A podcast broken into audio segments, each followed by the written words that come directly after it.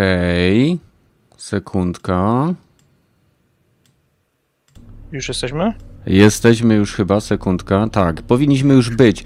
U kogoś zbiera mi w tle audio, ale mam na myśli o taki jakąś muzyczkę jakby w tle była, więc to jest dziwne.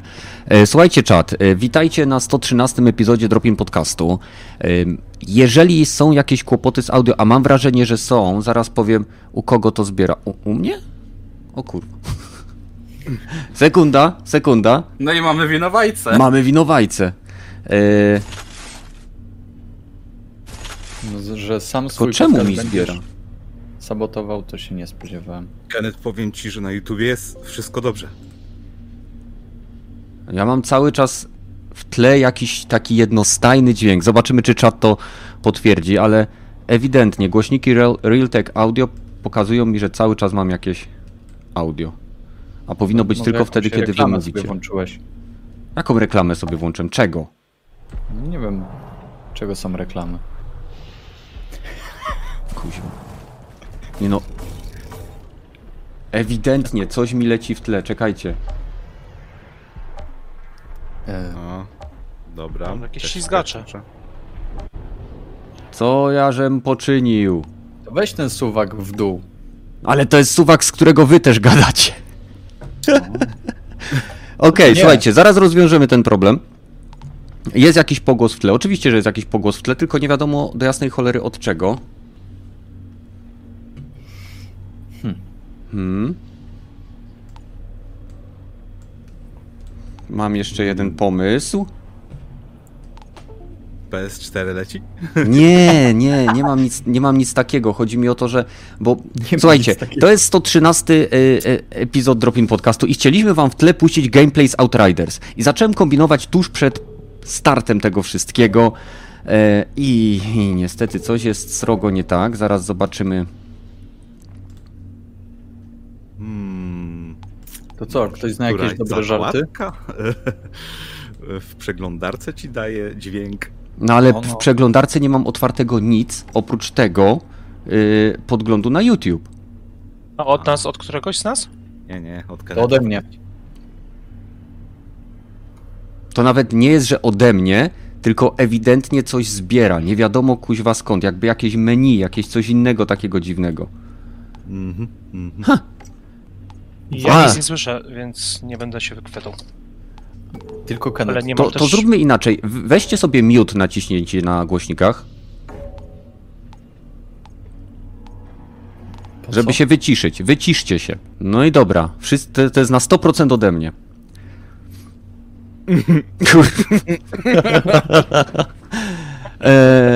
Eee, widzisz, rogaty, ja zwalam to na ciebie, bo ty, ty, ty mów zasugerowałeś, żebym puścił to. Okej. Możesz... Sorry, że chciałem, żeby było lepiej. Mhm. To Nie wiem nawet sytuacji? skąd to leci do, do jasnej cholery. Nie mam żadnego innego audio Weź zrób puszczonego. shutdowna y, kompa. Próbowałeś Alt F4? A. Okej, słuchajcie, ja będę kombinował. y, To was nie zagłusza z tego, co ja rozumiem, bo widzę na grafie. Więc, y, Badyl, co u ciebie cieka- ciekawego się działo? Jedziesz, a ja tu będę kombinował. E, Ja grałem w tym tygodniu, odpaliłem sobie, mm, bo wiecie, zdalne nauczanie i w ogóle odpaliłem sobie e, Crash'a Bandicoota, bo był w e, to Insane Trilogy, bo był w, mm, w plusie na PlayStation. I powiem wam, że zapamiętałem tę grę jako prostszą chyba, tak zdecydowanie prostszą, bo Chyba zapamiętałeś trójkę.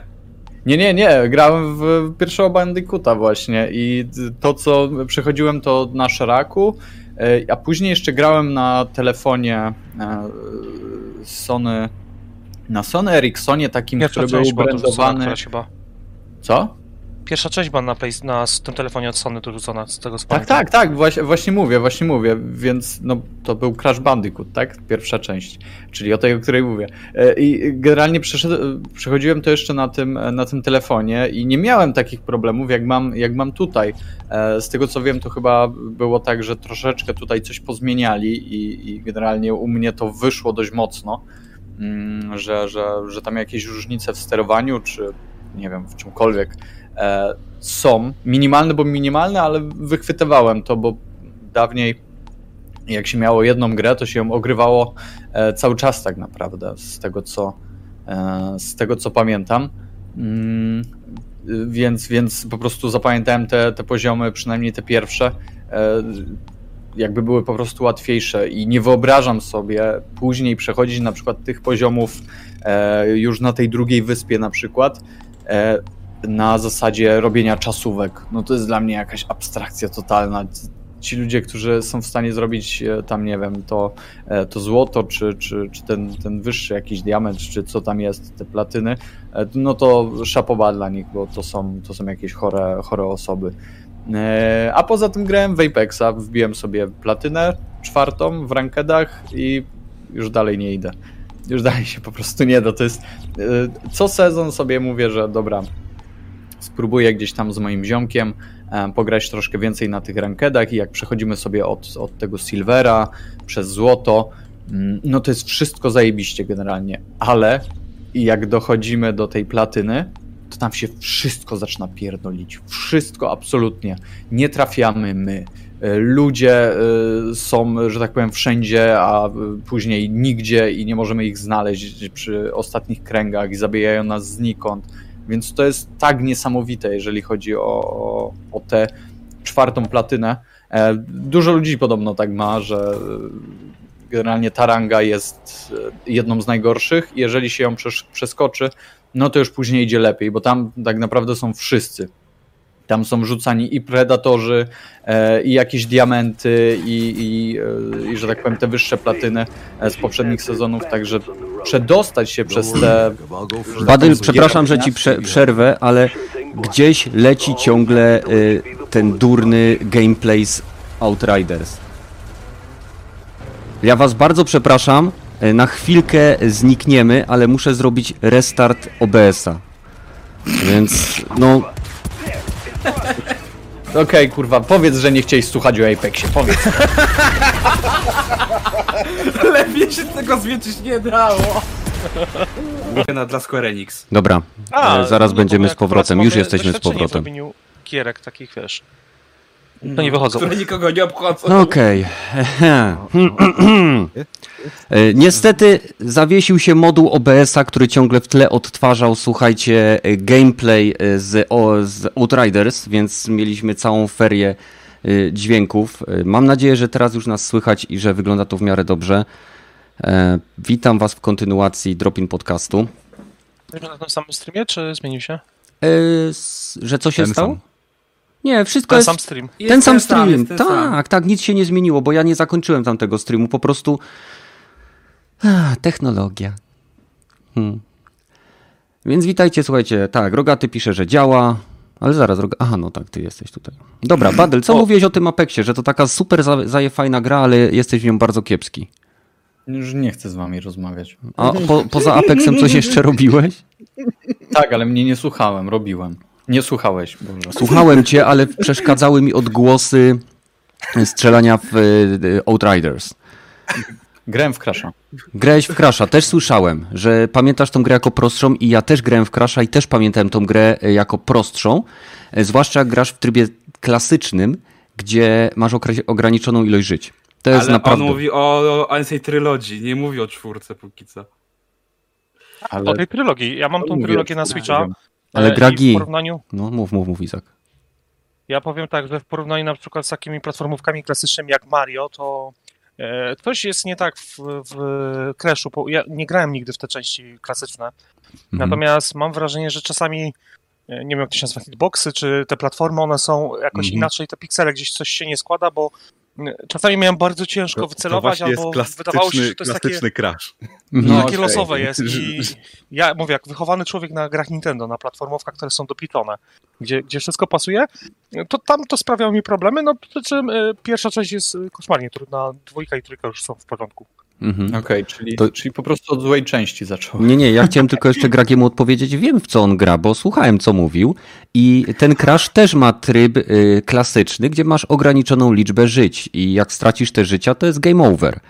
Y, I o tym Ale mówię. w y, trylogii nie masz y, dwóch trybów, masz tylko jeden odgórnie ustalony. Okej. No.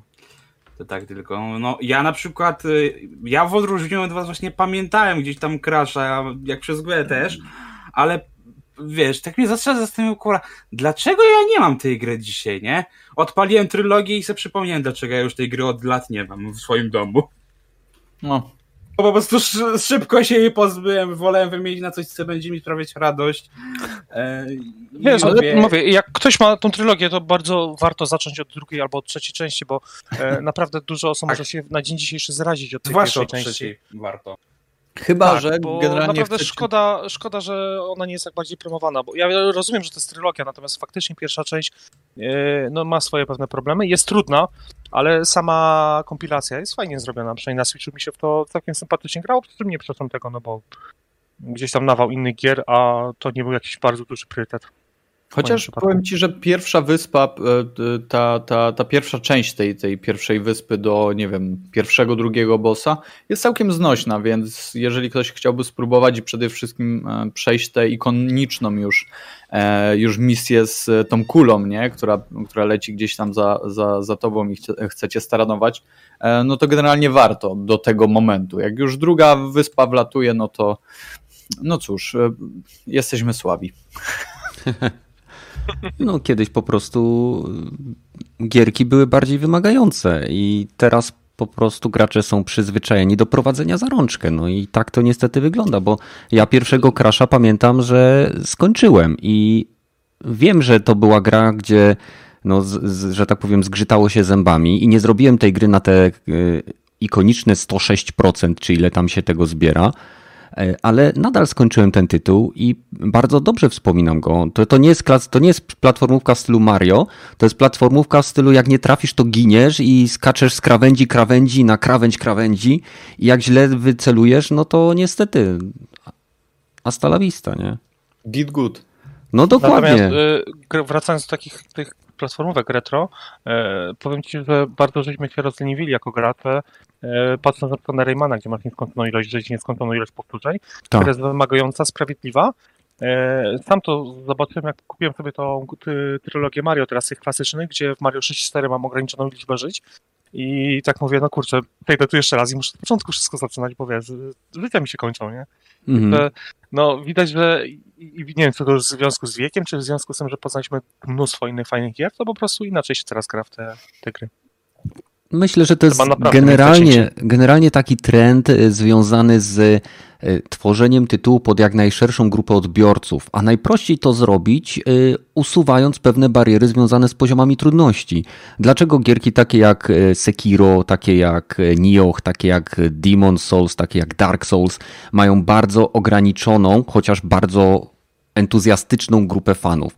Ponieważ są to tytuły, gdzie niektórzy gracze stwierdzili, no zagrałbym w to, ale ta gra jest dla mnie za trudna, nie jestem w stanie się nauczyć w to grać. I najprościej ściągnąć właśnie bariery e, poziomowe e, trudności. E, Nie wiem, pamiętacie, kiedyś nie było czegoś takiego jak regeneracja życia w strzelankach. Kiedyś nie było czegoś takiego jak checkpointy z nieskończoną ilością żyć. To wszystko zostało wprowadzone po to, żeby gracz mógł dostawać pozytywne bodźce związane z sukcesami, a nie negatywne związane z porażkami. I, I w tym momencie mieliśmy taką prawie idealną maszynkę, gdzie kon- kon- konstruując odpowiednią kombinację e, poziomu wyzwania z dobrze ustawionymi checkpointami i e, nie wiem, odnawiającym się życiem, czy, czy nieskończoną ilością kontynuacji, że gracz ma ciągle e, ten, ten, tą, te serotoniny, dopaminy pompowane do głowy, tak, pre do przodu, jestem za, je, fajny i nic mi nie stanie na drodze. A tu nagle trafia na takiego, taki Jana Sekiro trafia, no i, i, dupa zbita, tak? No. No i tyle. Kto tam jeszcze? Gragi, co u ciebie? Hmm. Okej. No Izak, co u ciebie w takim razie? O, A, już miałem się ten, właśnie się przełączałem, bo... wiesz, Ale tak teraz miałem- musisz już poczekać, teraz już Izak mówi. Wypadłeś z kolejki. A ja wam po, powiem trochę serialowo-filmowo, może tak w tym kierunku gdzieś pójdę. Jasne. E, ja znowu odkrywam na nowo platformę Apple TV, mimo że tam oglądam prawie wszystko. Mhm. Natomiast pojawił się drugi sezon serialu Dickinson. E, I Apple głośno krzyczało, że już jest drugi sezon, a ja nie znałem pierwszego sezonu. To jest jedna z pierwszych produkcji, jaka była. I kompletnie zakochałem się w tym serialu. Jest to serial opowiadający taki komediodramat o Emily Dickinson, córce takiego bogatego tam y, y, pana z Ameryki i ona postanowiła zostać poetką najlepszą i ona oczywiście nie chce wyjść za mąż, y, nie chce, nie chce tam mieć tych wszystkich problemów, które są związane z, z zamążpójściem, z, z wychowywaniem dzieci.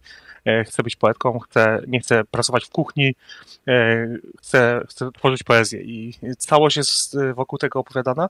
I powiem wam uczciwie, że ja nie mam pojęcia, czy y, postać Emily Dickinson jako autorki poezji jest faktycznie prawdziwą postacią, czy jest to postać stricte fikcyjna. Ale jeżeli jest to faktyczna postać, no to naprawdę miała bardzo barwne i ciekawe życie. Bardzo polecam ten serial. E, Nie wiem, czy chcecie coś, coś wiedzieć? E, Jakieś pytania? Do serialu? W którym wieku on się Mhm. dzieje?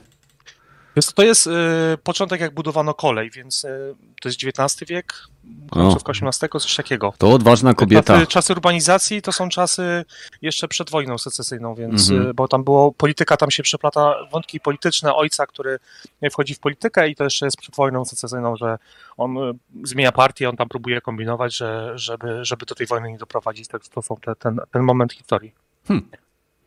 No powiem ci szczerze, y, ja jestem bardziej fanem science fiction, więc y, takie komedio... Jeżeli tam jest faktyczna komedia, to może by mi się to spodobało, ale komediodramat, ja mam wystarczająco dramatu na co dzień. Także Co, ja dokładnie tak samo, jak zobaczyłem, wiesz, kiedyś tam tytuł komediodramat, widzę w ogóle jakaś kobieta z główną bohaterką, mówię, nie, dobra, puszczam. Natomiast e, pojawił się drugi sezon, mówię, dobra, puszczę pierwszy odcinek, zobaczę tam temu szansę. No dlaczego nie? To jest e, podobnie jak e, dałem wcześniej na Apple TV szansę serialowi Ted Lasso. Mhm. Lasso to z kolei jest komedia opowiadająca o takim gościu, który był trenerem futbolu amerykańskiego.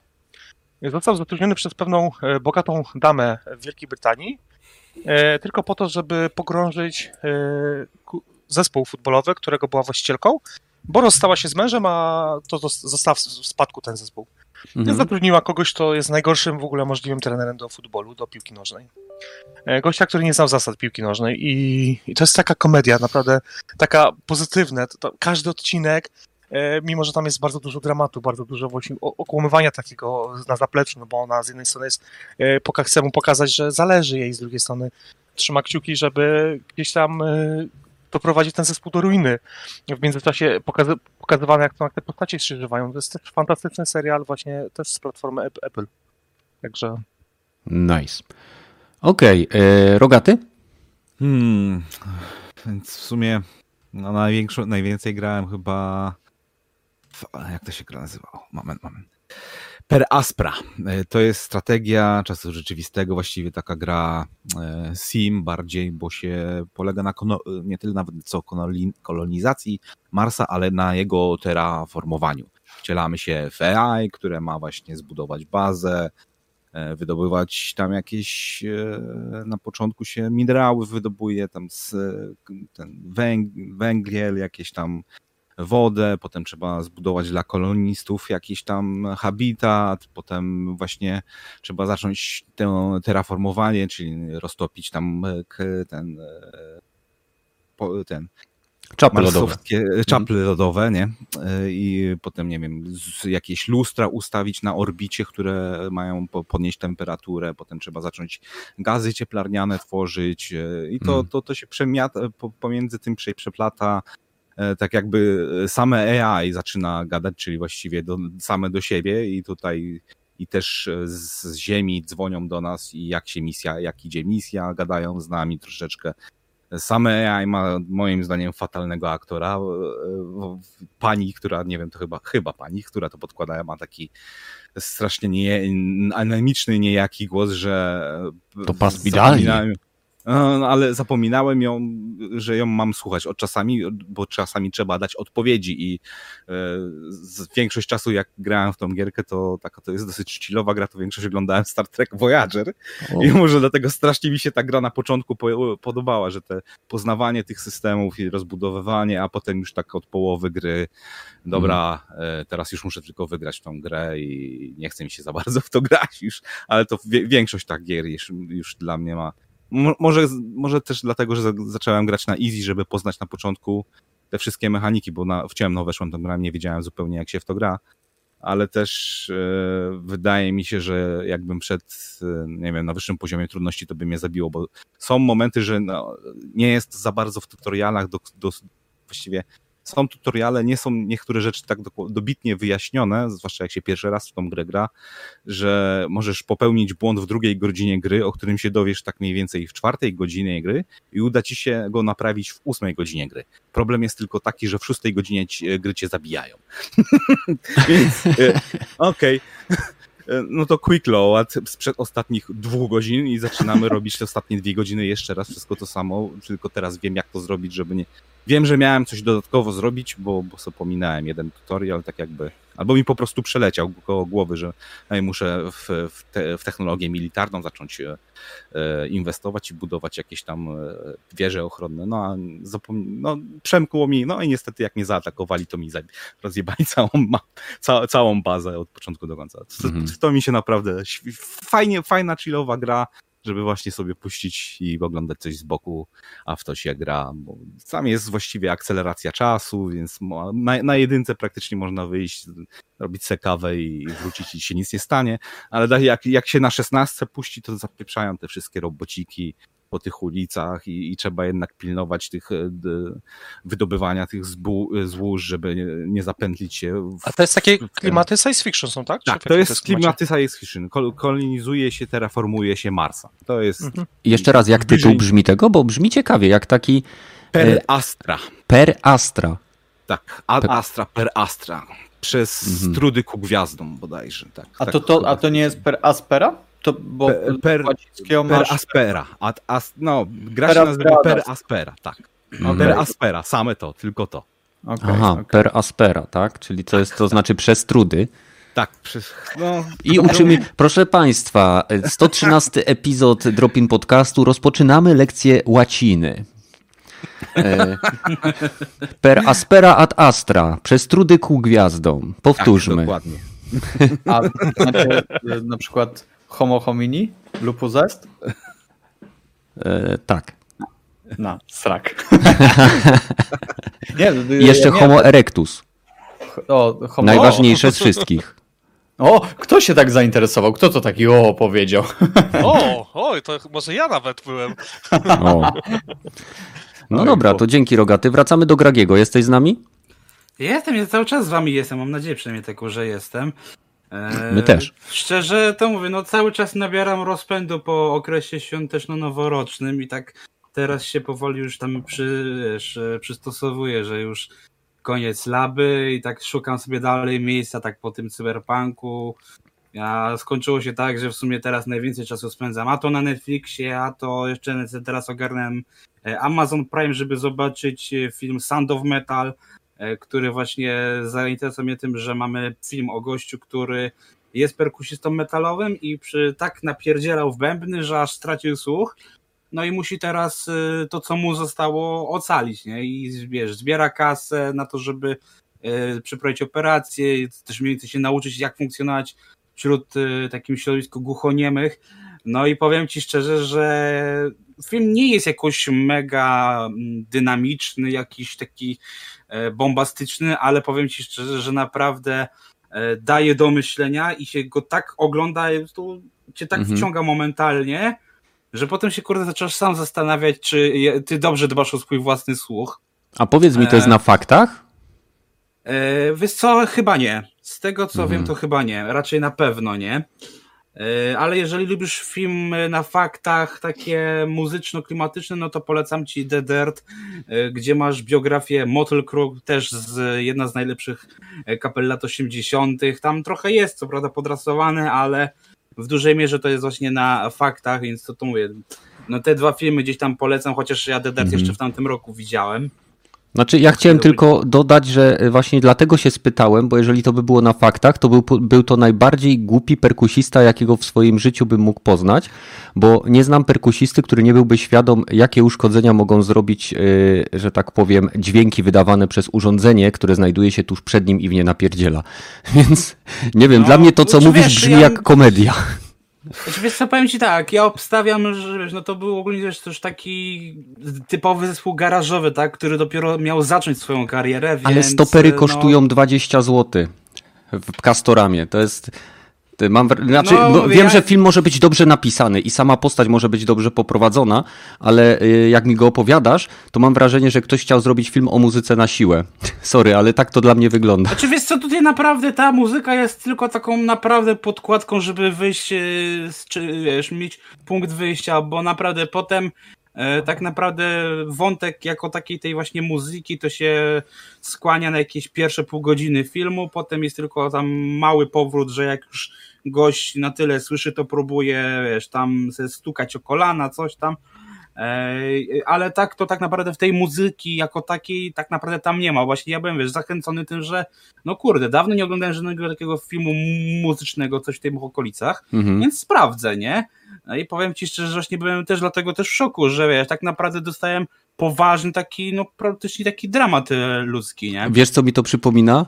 Nie wiem, czy to było y, w poranku Kojota, jak ten oglądał y, y, Śmierć w Wenecji. że, że ta, on był takim gangsterem i oglądał najlepsze filmy o, o zawsze gangsterach i obejrzał, oglądał sobie Śmierć w Wenecji, o gościu, który, który płynie łódką, a na końcu umiera. No, No tak to, to mówię. to co, ale nocami nic nie głównie- grasz na razie. Znaczy wiesz co, nocami głównie sobie właśnie mam ten okres, kiedy po prostu wiesz, gra u mnie jest jako tło, więc teraz nocami to se cisnę w Need for Speed Hit, już se ulepszyłem e, Mercedesa, którego mogłem dopiero tam dostać po e, tam odblokowanie To nie jest pewnego jakiś poziomu. już czy coś?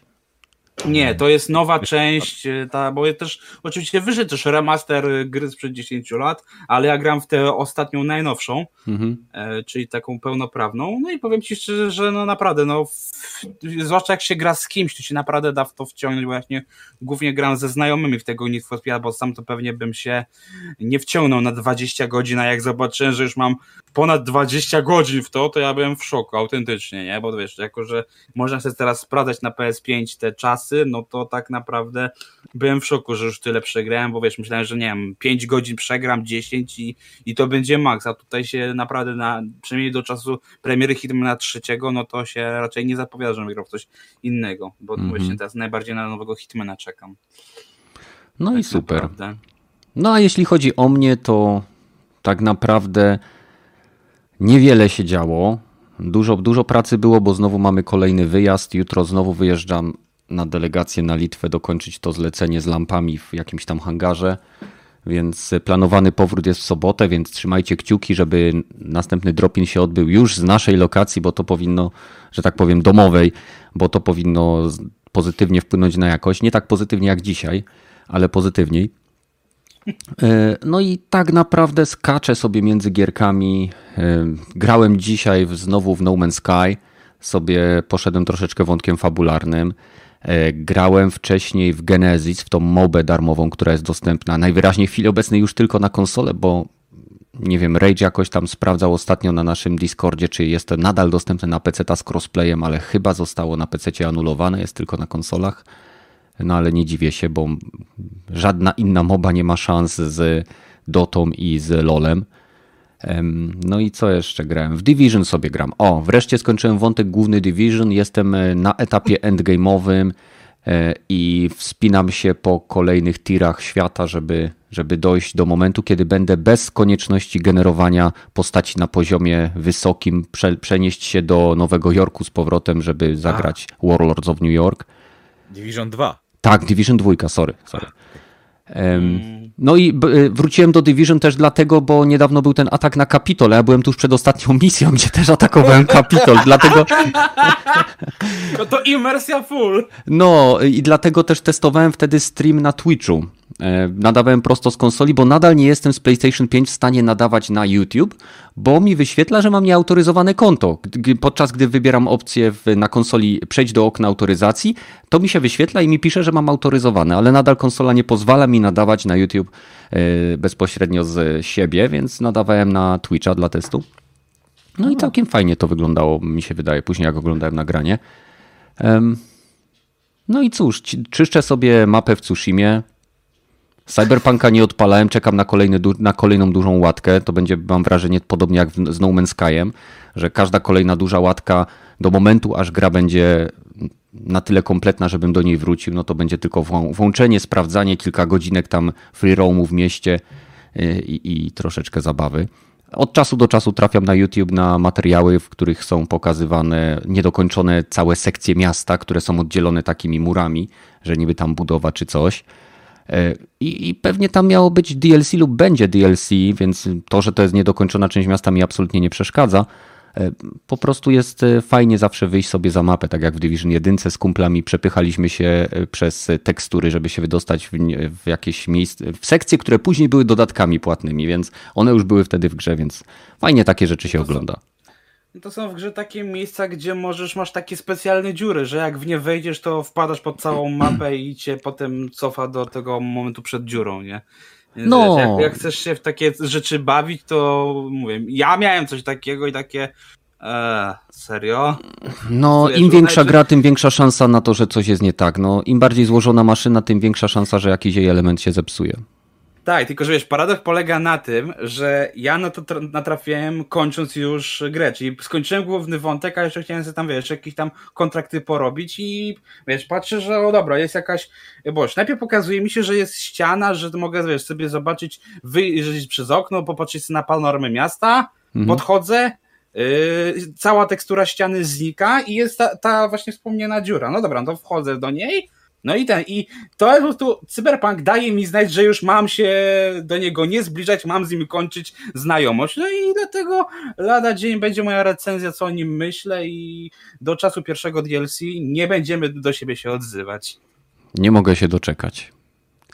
Przechodzimy teraz do y, pierwszego tematu. Tak? Powiedz o tym, że podcaście takim jeszcze. To. to, to e, e, Kenneth, zanim ten, bo ja słuchałem ostatniego podcasta waszego. Ciekawe statystyki tam były, może o tym O, e, Rogaty, bardzo dobrze, że pytasz. Niedawno braliśmy udział w bardzo ciekawym projekcie o nazwie Crosscast i to był podcast, który łączył w sobie jedne z najznamienitszych podcastów polskiego YouTube'owa. Więc był tam e, oczywiście my, my jako, e, że tak powiem, creme de la creme. E, był też... o mój Boże. E, dajcie mi Trigger. sekundkę. Trigger Podcast i Push Start. Push Start, Push właśnie. Nie, nie, wiem dlaczego, ale ja pamiętam to logo Pandy i nie wiem czemu Dobra, mam, chce mi się mówić Panda Podcast. No bo oni mają operację Panda. No, no to sorry. Okay. No, więc y, je, pierwszą część tego podcastu możecie zobaczyć u nas na kanale i na platformach podcastowych możecie przesłuchać. A Dlatego ją obejrzałem do końca. No właśnie. E, a y, jeżeli chodzi o kolejne, no to linki do nich znajdziecie w opisie epizodu pierwszego. No i jak będziecie skakali sobie po kanałach czy po platformach podcastowych, to tam też będą linki do kolejnych. Zachęcam. E, mamy fajny oczywiście spór na temat Last of Us, więc jeżeli ktoś chce posłuchać, jak, jak się troszkę spinamy, to, to zachęcam, zachęcam, zachęcam. Naprawdę. No ja, ja, też zachęcam. Fajne statystyki tam na samym początku można się dowiedzieć z tych, tych właśnie e, najlepszej gry roku i na, i na która platforma jest najpopularniejsza wśród właśnie podcastów. to bardzo mnie interesowało, bo zawsze myślałem, że PC Gaming umiera, a tutaj największy jest... Ale kto ci takie bzdury nagadał, że PC Gaming umiera? no nie wiem, od 20 lat to już słyszę. a no bo słuchaj, to jest powolna, bardzo bolesna śmierć, no. To, to nie jest tak, to się ciągnie. Tak, tak, tak, jak, tak jak poprzednia generacja miała być ostatnią generacją konsol, nie? No właśnie. To my też to słyszymy. My konsolowcy też umieramy bardzo powoli i długo. Kiedyś spotkamy się na końcu tej drogi i przybijemy sobie piątkę i postawimy krzyżyk. Już, już też ja, ja wam przypomnę o... ludzie... Ja wam przypomnę o powolnej śmierci Google Stadia, która odrodziła się z cyberpunkiem. O, i okazuje się, że to ten cyberpunk, no, który jest na Stadia, to jest wersja Xboxowa. Od tysiąca lat słyszymy, że ma być koniec świata i tak jeszcze nie nadszedł, nie? Bo po, wiesz, dokładnie, no już robi swoje. A, więc, e, tak jak mówiłem, e, Crosscast, zachęcam, trzy epizody, łącznie trzy godziny, więc e, puśćcie to sobie, jak jedziecie do pracy i macie daleko. Naprawdę nie warto. tylko na platformie podcastowej. Oczywiście, że na platformie podcastowej. Chyba, że macie dobry zasięg w telefonie, no to oczywiście e, na, na swoich tych, no, do jasnej cholery i stu milicjantów. E, na swoich. Gdzie jest mój Discord? Discord mi zniknął, słuchajcie. Co się dzieje? No, najpierw OBS robi kwiatki, teraz Discord znika. Coś Teraz nie masz komputer. szczęście, Kenneth. Jak zmienić komputer? To jest komputer kupiony w zeszłym roku. No, Ale mówiłem- PC Gaming umiera, to wiesz, trzeba zmieniać A, to, częściej. to jest... To jest laptop, laptop. Nie Oho, Ej, laptop to, la, laptop to też komputer. laptop. Tak samo jak komórka, dlatego na niej można grać. Dobra. Dobrze. Jesteśmy. E, tak, e, pamiętajcie, że jeżeli chcielibyście do, dołączyć do naszego Discorda i znaleźć tam nie, między innymi pokoiki, w których będziecie w stanie e, posłuchać tych właśnie fantastycznych podcastów, więc e, oba chyba znajdą. Mamy Padlock Post, Podcast i Push Start w naszej rodzince e, ge- geekgamer.pl, także tam mają swoje pokoiki i na spokojnie możecie ich tam znaleźć, więc i zapytać się, co tam u nich leci, więc zachęcam. Dobra, E, wracając do Cyberpunka. E, Nie wiem, czy słyszeliście, ale Urząd Ochrony Praw Konsumenta zaczął się interesować całym tym fantastycznym, e, że tak powiem, eventem związanym. czemu. No, no, słuchaj, no w Stanach mogą robić zbiorowe pozwy, a w Polsce nie. Nie bardzo. Więc Urząd Ochrony Konsumenta e, będzie sprawdzał, e, jakie tam są, że tak powiem, braki w grze i co firma robi, aby je uzupełnić. To jest ogólnie chyba precedensem, jeżeli chodzi o gaming w naszym kraju. Jeszcze nigdy Urząd Ochrony Konsumenta nie interesował się grami. No, raczej Okej, na pewno. No. A nie jest to związane z tym, że po prostu CD Projekt Red wzięło dość duże dofinansowania na budowę żywego miasta i tak dalej z budżetu? O, O, tak było. to ja miałem, ja, miałem- ja miałem też inną teorię, ale twoja mi się podoba bardziej. Bo ja miałem taką wyssaną A z jeżeli palca. płacisz, to masz prawo sprawdzić w tym momencie, nie? Mhm. Wydajesz pieniądze i jak projekt, produkt wyszedł, to mówisz sprawdzam, nawet jeżeli jesteś państwem. A jeżeli No tak. jesteś państwem, państwem, które ma mało pieniędzy, no to mówisz potem zwracaj, jak nie wyszło. Mhm. No tak. Nie, bo ja miałem taką y, inną teorię, że w Łokiku po prostu pracuje ktoś, kto kupił Cyberpunka Aha, i postanowił się zemścić. albo nie zrobili mu zwrotu.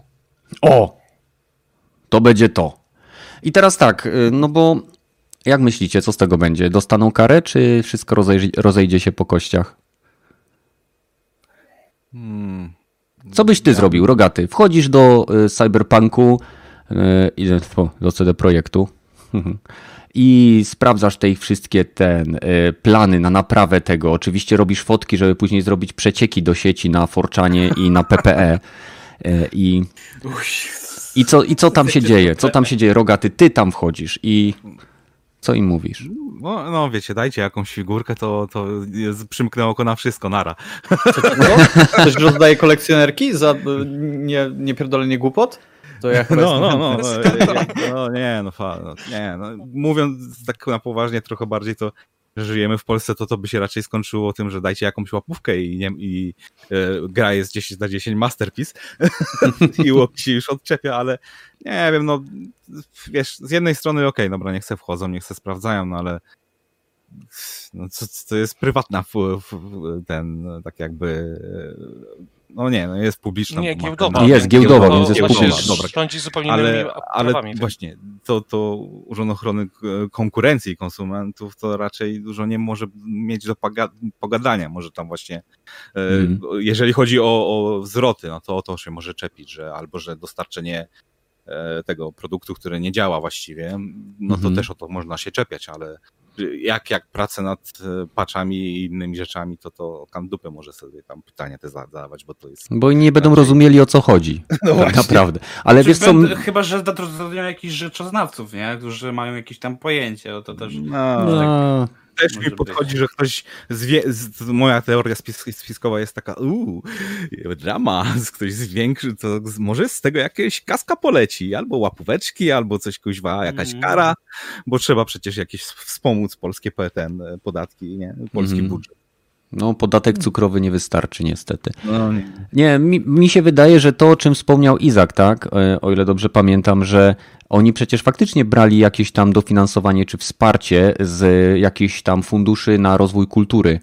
e, o ile dobrze pamiętam, i mogą być rozliczani z tego. Mogą zostać poproszeni o przedstawienie e, po prostu, nie wiem jak to określić, kosztorysów, czy raczej budżetów i w jaki sposób te pieniądze zostały rozdysponowane.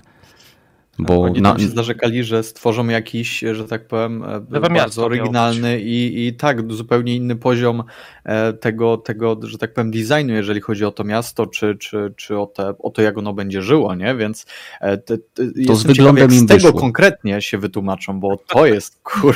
w sensie ja nie znajduję żadnych argumentów nawet na siłę, żeby to miasto było jakieś uch, nie, nie, niewiarygodnie jakie i żeby wymagało no, aż tylu milionów mhm. na, na, na dofinansowanie. Znaczy pozwól, pozwól że... Za... No. Tymi światami i kosztują 10 zł do wyprodukowania, tak? Mhm. Random co, co? City Generator. E, tak.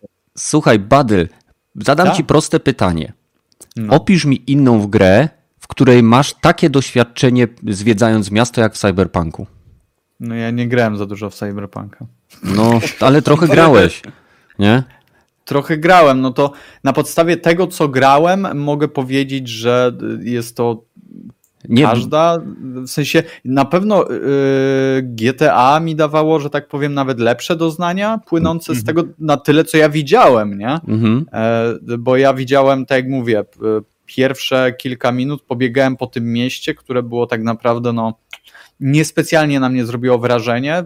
Przejście, nie wiem, po ulicach, czy, czy, czy przejechanie się z miejsca do, do, do kolejnego miejsca. I nie wiem, GTA jest z poprzedniej generacji generalnie, więc no jakby to powiedzieć. Dwóch. No, co, ja, tak, ja, tak, ja masz, rację, masz rację. Mogę odpowiedzieć na to pytanie, co, co zadać Budelowi. Mhm. Takie miasta, które na mnie największe wrażenia zrobiły, to był Assassin, pierwsza część tej nowej trylogii, która się działa w Egipcie. Mhm. E, w momencie tam był bardzo żyjący świat i ja tam wielokrotnie się złapałem na tym, że ja po prostu śledziłem, co dane postacie robią, bo one miały e, cały cykl pracy, tam e, spania i tak dalej. Także mhm. to, to była jedyna gra, w której tak siadłem i patrzę, faktycznie te postacie coś robią, to jest coś sensownego, nie są tylko zwykłymi randomami, które e, gdzieś tam łażą po ulicy, ale ten na przykład handluje, potem idzie z, z zakupami, gdzie to, tam pakuje coś, nie wiem, idzie, idzie spać i tak dalej. Wiadomo, uproszczone, ale sprawiało mi to dużo frajdy, takie śledzenie czegoś. E, nie ukrywam, że w Cyberpunku tego nie zobaczyłem, przy czym ja jestem bardzo bardzo na początku, więc. Mhm. To ja chciałbym teraz e, jakby inaczej ubrać słowa to, co powiedzieliście.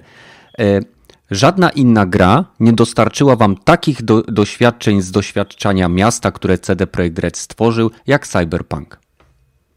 Generalnie tak. Generalnie tak. Zgadza się? Mieli stworzyć coś ja, takiego? Ja, tak. 10 na 10 Masterpiece Game of the Century.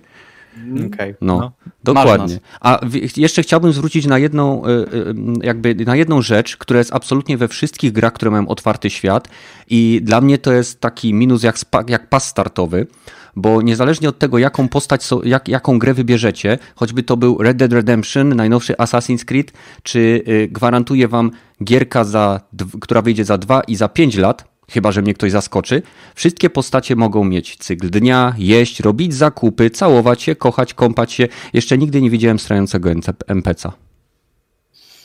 Ale byli sikający. Fajne masz marzenia, Kenneth. No słuchaj, no mają cykl dnia, to oni potrafią zjeść i później przetwarzają to jak y, reaktor fuzyjny w idealnie czystą energię. Mm.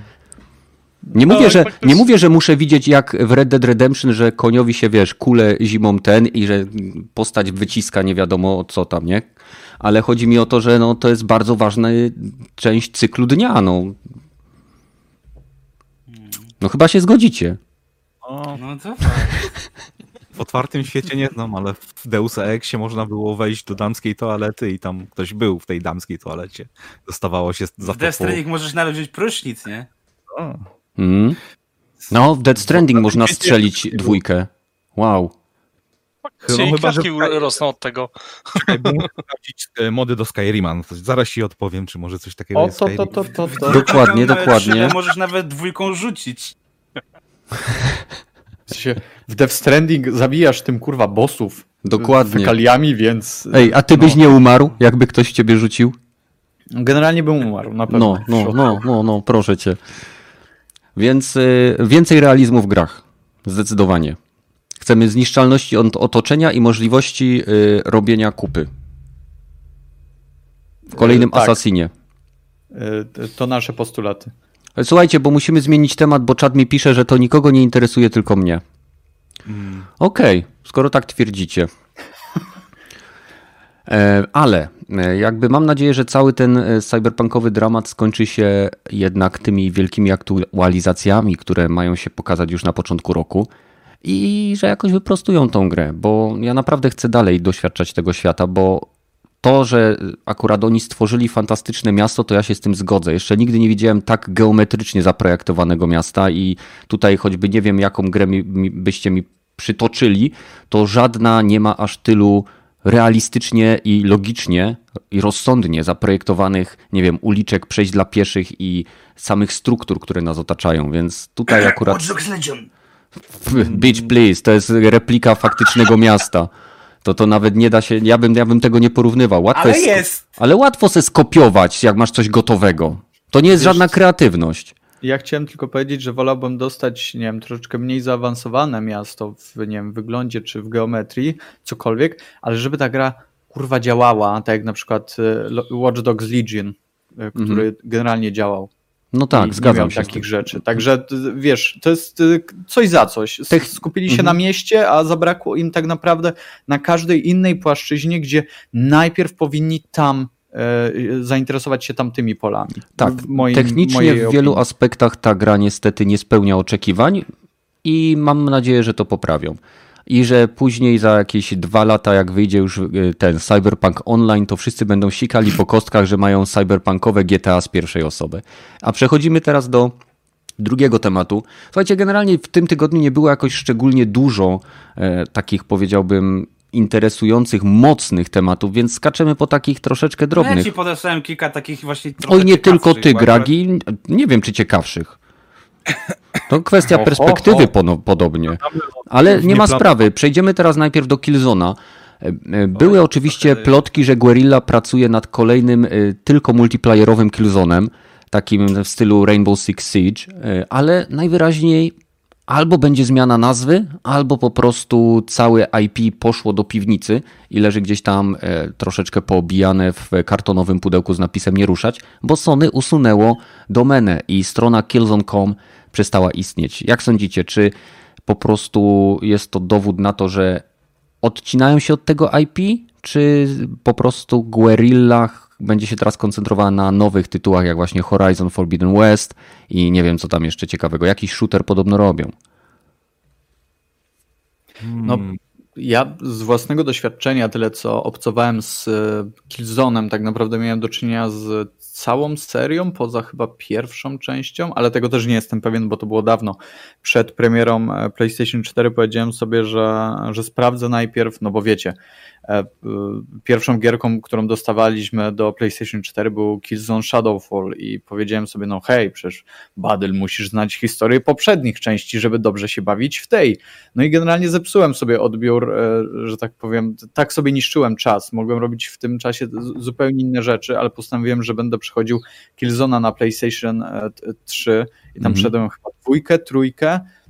Mam je nawet w takich ładnych steelbookach i sterowanie tam było straszne. Ta historia taka, taka, taka, taka kurwa, nie wiem, miałka, taka mało interesująca jedni z drugą stroną się bili i to generalnie nie było nic, nic zatrważającego, a sam Killzone Shadowfall okazał się dla mnie fajnym pokazem technologii, fajnym pokazem tego, że na padzie możesz coś robić, co generalnie tam nie było chyba dobrze zaimplementowane, bo jak przeładowywałem sobie, e, nie wiem, e, coś tam, to e, najeżdżałem na tego touchpada, on był bardzo czuły, albo nie wiem, za czuły, chyba, że ja Wiesz co, tam przycisk option bardzo często przy, przy okazji, w, jak ściskać przycisk option, Możliwe. to była kwestia źle zaprojektowanego pada, bo z kolei wykorzystanie touchpada było super. Tylko najlepsze E, tam jest to, że... sterowałeś Izak- dronem gestami, więc to Tak, naprawdę... tak, tak, nie, to było podobało. super, tylko tak jak ci mówię, w żadnej innej grze nie miałem takich odczuć związanych z tym touchpadem jak w Killzone, po prostu tam mi to przeszkadzało, w żadnej innej grze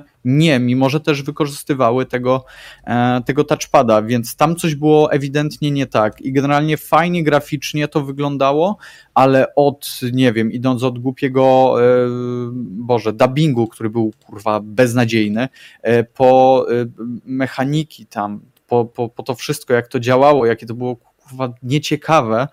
Ja się bardzo cieszę, że ta gra umarła, bo ona No to generalnie Guerrilla może i fajnie by było jakby swoje siły mm, skierowała w inną stronę niż Killzone. Nawet to e, Horizon Zero Dawn, które dla, e, dla wielu generalnie jest zajebistą grą. Dla mnie też oczywiście nie, nie wiem. Może ja coś mam po prostu do Guerrilla Games. ja się teraz wypowiem, bo ja jestem wielkim fanem w ogóle Killzona. To były dla mnie Ojej. pierwsze e, shootery wkopałem. na konsoli. E, Mhm. Bardzo dużo pograłem w części od 1 do, do 3. Na, na PS4 m, oczywiście Killzona to była pierwsza gra, którą przeszłem p- kilkukrotnie. E, Owszem, patrzyłem na to trochę jako, jako fan, więc e, dużo błędów nie widziałem w momencie, w którym tam gdzieś czytam o błędach, o problemach tej gry. Ja byłem dużo większym fanem Killzona niż byli fani Halo. E, Dlatego ciężko mi powiedzieć e, coś źle coś o Killzonie i bardzo żałuję, że, że nie wychodzi kolejne, kolejne części. E, Podobnie jak lubiłem te części na, na, na, na PlayStation Vita i porta, po- Portable. Takie Mhm. z widokiem z trzeciej osoby.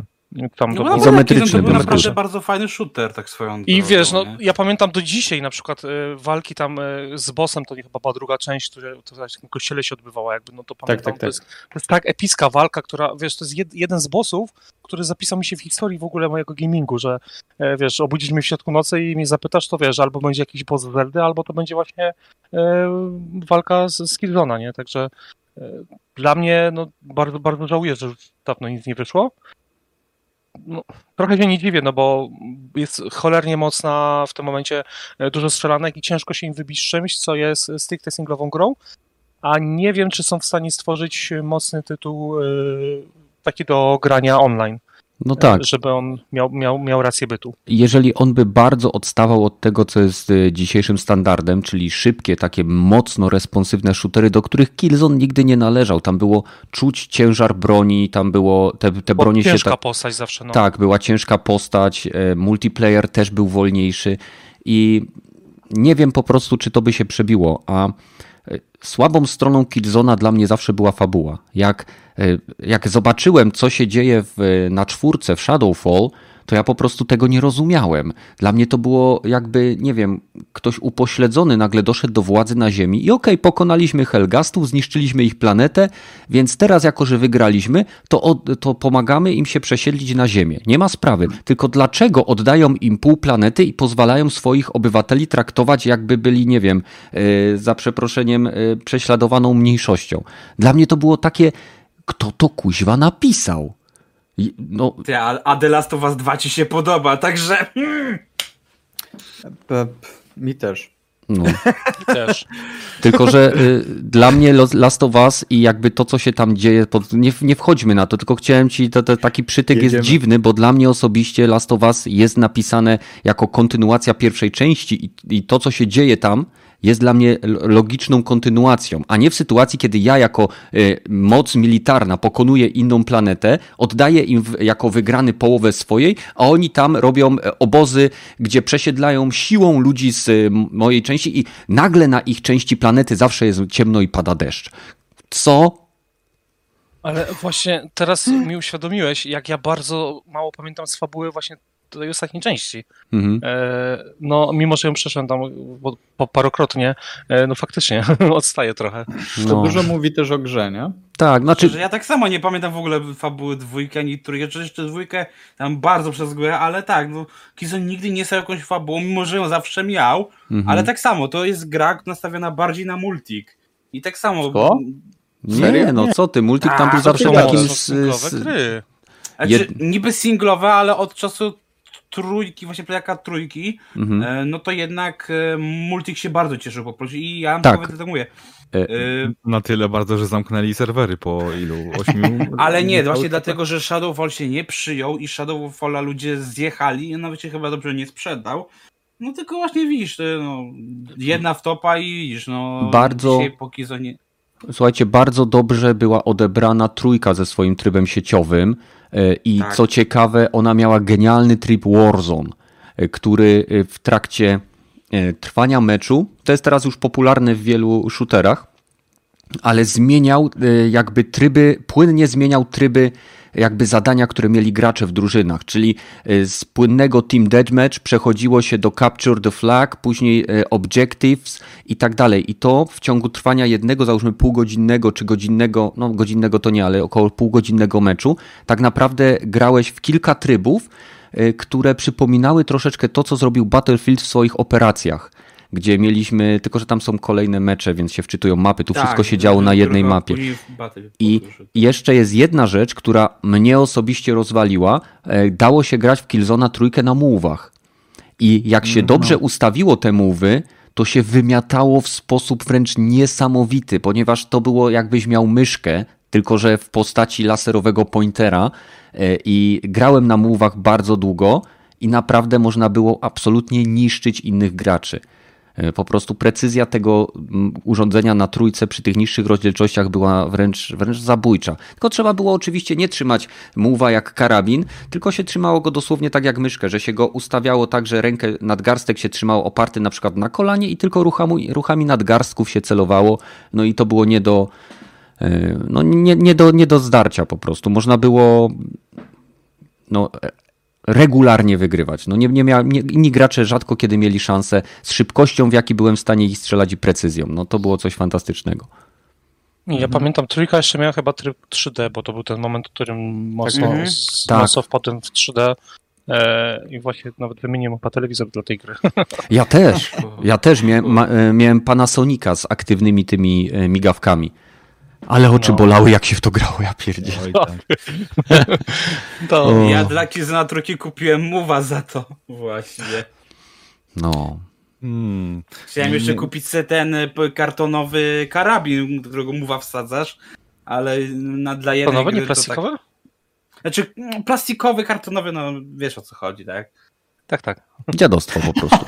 W skrócie. W każdym razie Killzone zostało skasowane. Wrzucone na lód E, i... Tak?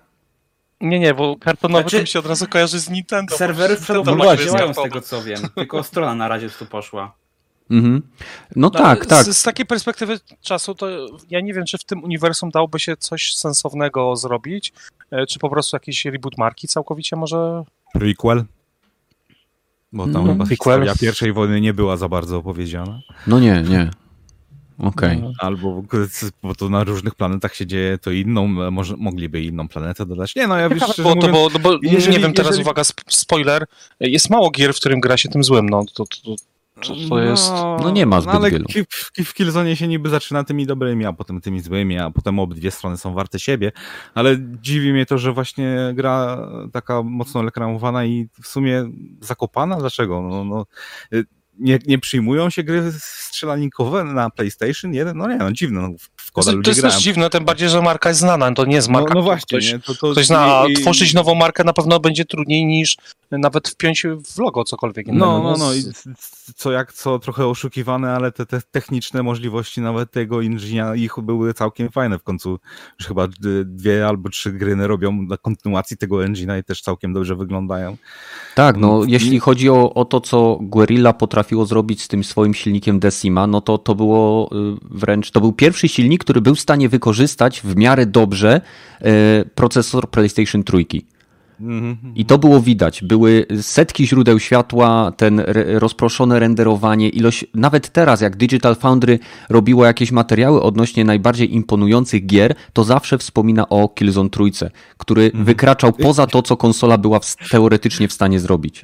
I, i przy, ten, przypominało im się To i niesławny ten trailer. E3 też. Tak. Tak. Tak, tak, Ale tak. nie, no, no trochę szkoda, bo ja tam jestem e, dziwką na sci-fi i bardzo by mnie interesowały kolejne właśnie Mhm. tytuły, a tu jednak nie. No dobra, Ma, mają jeszcze inny sci-fi, więc po, po, No. jakoś to przeżyje. Ale szkoda też, że nie ma FPS-ów na, na PlayStation. Markowych. Ani to, ani, no markowych takich, Mhm. ani to, ani ten drugi. Resistance Fall of Man. Resistance. Resistance jest też dobry, Resistance a wymarło. też poszedł do piachu. To ja bym, No, czy- mi się wydaje, że o wiele łatwiej by było im wskrzesić Resistance, bo to była szybka gierka z niesamowicie bajeranckimi jakby spluwami, bo to insomniacy, niż Killzona. Więc kto wie, no, może zobaczymy. Przecież albo- Time Splitters też mamy z, ze stajni Sony i to jest gierka, która była, chcieli ją wskrzesić chyba na trójce i nie wyszło, czy na dwójce. Nie wiem, jest kilka shooterów, które Sony ma w swoich szufladach i nie wiem dlaczego z tym nic nie robi, no ale może im się nie opłaca. Tak jak Order, coś tam, coś tam, coś tam, no nikt, nikt już o tym chyba nie, nie pamięta nawet, jak się tak Tak, to był shooter z trzeciej osoby, to był startowy, typowy taki, że tak powiem, e, vaporware, który wydajesz po to, żeby pokazać jak ładnie, tak jak Rise Son of Rome. To, e, Ten Order Ale patrz, 8066 to jest Rise Son of Rome po prostu. To każda platforma Order ma taki. 8086 No. nie, nie jest grą, która się źle zestarzała. Ona w, dla takich ludzi, na przykład jak ja, bo ja to przechodziłem e, jakoś w zeszłym roku, Mhm. e, to, to się świetnie gra. Tam jest naprawdę A- genialny, ciężki klimat. E, się. I ja tam na przykład bardzo tutaj chwaliłem, że ta gra nie jest długa przede wszystkim. Że... Kenneth, Kenneth sprawdź na PS5, czy to ma kompatybilność dobrą. Ale to jest gierka z czwórki? To ja ją powinienem mieć. No, No, tak jest. no, no. Tak, i ona naprawdę jest fajna, także ona U. była na początku z tego, co bardzo, pamiętam, bardzo mocno zjechana, że jest krótka przede wszystkim. I A- było korytarzowy A sprzedawana była za shooter. pełną cenę, więc Tak, wiesz. no dzisiaj, no i ona była za pełną cenę. Miles na Morales. to jest naprawdę fajna gra, którą warto, warto sobie poznać, bo można ją tam używkę dostać za śmieszne pieniądze, Mhm. a nie jest to zła gra wbrew pozorom. No to To- wiecie, faktycznie sprawdzę sobie tego ordera. A skoro mówimy już o kasowaniu rzeczy, to tutaj sięgniemy po jeden z tematów, który Gragi wrzucił. Sony będzie kończyło produkcję większości, co jest dziwnym określeniem. Większości to znaczy, co będą jeszcze produkować? Większości modeli PlayStation 4 w Japonii. I e, oczywiście e, można się zastanawiać, czy roz, zakończenie produkcji tej konsoli na, te, na, na, jakby na obszar Japonii zwiastuje też, że Sony będzie ob, jakby zmniejszać ilość produkowanych egzemplarzy na resztę świata. Czy to jest po, powolne wygaszanie e, takiej produkcji z tego systemu po to, żeby pchnąć więcej PS5, których przecież nie ma na chwilę obecną? Jak sądzicie? Czekaj, Ja mogę zacząć? No, nie, bo y, ja tak się chciałem, tutaj, wpytam. chciałem, chciałem, poczekaj, bo chciałem tutaj y, powiedzieć, że e, Sony y, nie będzie dłużej tworzyło PS4 Pro, wszystkich Pro. modeli, w większości PS4 Slim, e, a jedynie ten, ten, ten pierwszy, ta pierwsza wersja z 500 gigabajtowym dyskiem będzie e, cały czas, że tak powiem, produkowana. Mhm. Mhm. Także to jest w ogóle e, ciekawe. Czyli jak ktoś ma teraz prosiaka, to lepiej go nie sprzedawać, bo ceny pójdą w górę. No widzisz, mówiłem ci. No ja mam, ja mam niesprzedanego. No, Nie. dlatego, no. A, Mhm. a PS5 y, All Digital kosztuje tyle samo, co PS4 Pro nowe. O ile dobrze się nie mylę. Tak. Nadal nigdy nie spadła cena jest chyba PS4 droższe Pro. o stówkę, jak się nie mylę, ale... Aha, okej. No To No, chyba Ale podobnie. Konkuracji czwórka, żeby konkurowała z piątką, to chyba trochę... Mhm. gu- To by e, było dziwne. No, To to, jest- by było dziwne. To, To jest wydaje, podobny że- ruch, jak że- Microsoft zrobił z One X-em i Series S-em. Ale Mhm. ten, no to ja, już tam się wpycham wcześniej. No, jeżeli w tym momencie PS5 ma pełną kompatybilność wsteczną, e, Mhm. to e, i ja rozumiem, że trzeba mieć konsolę, którą można kupić dla ludzi, którzy nie mają pieniędzy, więc e, kupuje się bardzo tanią konsolę. Co i tak jest dla mnie niezrozumiałe, bo ta PS4 w- na ten moment powinna być jeszcze połowę tańsza niż się ją sprzedaje, czyli tam te 500 zł gdzieś dajmy na to. E, Żeby, żeby to w ogóle miało sens, e, żeby istniała na rynku. E, A, a No to tylko- jest jedna rzecz. Tylko masz taką sytuację, Izak, że PS5 nie ma aktualnie, więc Tak. jak ktoś będzie chciał w coś zagrać e, e, bardzo, a w tej chwili, jeżeli chodzi o eksy na PlayStation 5, jest ich mało i ktoś, jeżeli będzie miał, nie wiem, chcicę, powie, dobra, nie ma tych PS5, kupuję sobie na szybkości tam, nie wiem, prosiaka czy, czy cokolwiek innego, żeby doświadczyć tych wcześniejszych gier i żeby od razu wskoczyć później e, z pełnej do, do nowej generacji. O man, Mogą tak też do mała tego liczba podchodzić. osób musi być, bo to bez sensu troszeczkę. Każdy, kto chce PS5 kupić, to chce PS5, a nie e, Ale jak PS4, ich nie ma, nie? Jak nawet nie jak ma ich nie, ma, to- kiedy to- będą. No to po co mi PS4, jeżeli jestem takim fanem, że chcę tylko kupić PS5, to jestem, raczej nie jestem zainteresowany. Albo grać? mam, nie, po- powiem ci tak, rynek moim zdaniem się zapełnił PS4. Jeżeli masz PS4, to chcesz kupić PS5. Jeżeli nie masz PS5 i chcesz kupić PS5, to PS4 cię raczej nie interesuje. Takie mam, taki mam pogląd. No jest w tym jakaś logika. E, Na pewno. Mi się wydaje, że może być też taka sytuacja, że Sony celowo nie obniża, załóżmy, ceny PS4, które ma teraz, bo y, są oczywiście informacje, że teraz y, jeszcze jakiś tydzień lub dwa ci ludzie, którzy wykupują i sprzedają piątki po wysokich cenach, za niedługo stracą jakby finansowy sens, żeby to robić, bo idą kolejne dostawy. I utrzymanie starszej generacji na, wysokim, y, na wysokiej cenie tak, i nieprodukowanie jej sprawi, że ktoś popatrzy, ok, no to ta konsola kosztuje, załóżmy, ile teraz kosztuje standardowa? 1500?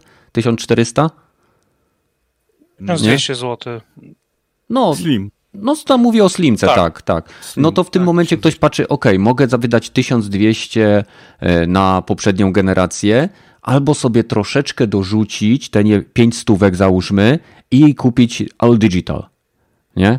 To jest w zasadzie cena dwóch gierek i może to być też... Patrz jak było przy P, poprzedniej generacji, jak wchodziła e, PS4, to PS3 była w cenie, e, wtedy taką tą wersję z tą przesuwaną klapką, którą się sprzedawali Mhm. i to była w bardzo niskiej cenie, tam 700 chyba złotych, czy tam e, nawet coś takiego. I to mnie dziwi, że ta, te konsole, mimo że jeszcze one będą w sprzedaży, one tak wysoko cenę trzymią, to jest kompletnie irracjonalne. Gdzie wiesz, dopłacasz stówkę i masz e, nowego Xboxa e, Series S. To prawda. No. Sony po prostu może się czuć zbyt pewnie e, w sytuacji e, przewagi sprzedażowej poprzedniej generacji. E, Zresztą nie wiem, jak odnosicie się też do tych informacji szacowanych, rzecz jasna, że do końca 2020 roku Sony udało się sprzedać 4,5 miliona konsol. To jest y, bardzo duża ilość jak na okres premierowy. I pewnie by było więcej, gdyby nie braki. E, Więc Xbox podobność sprzedał e, 2,7, ale to też. też nie szacowane, bo nikt nie mówi. tak, Ale szacowane. y, wiesz, co mnie zaskoczyło? Ani Microsoft, ani, ani Sony się tymi nie przyznaje. Tak. O, tak ci Aha. powiem. Microsoft to się nie przyzna, bo on idzie w usługi. To on powie, że ich, zresztą powtarzają to zawsze, że ich nie interesuje sprzedaż sprzętu, tylko ilość aktywnych użytkowników Game Passa. I, i to jest W jakby tym ich momencie target. Microsoft dalej, dalej nie podaje w, ile słupków sprzedażowych?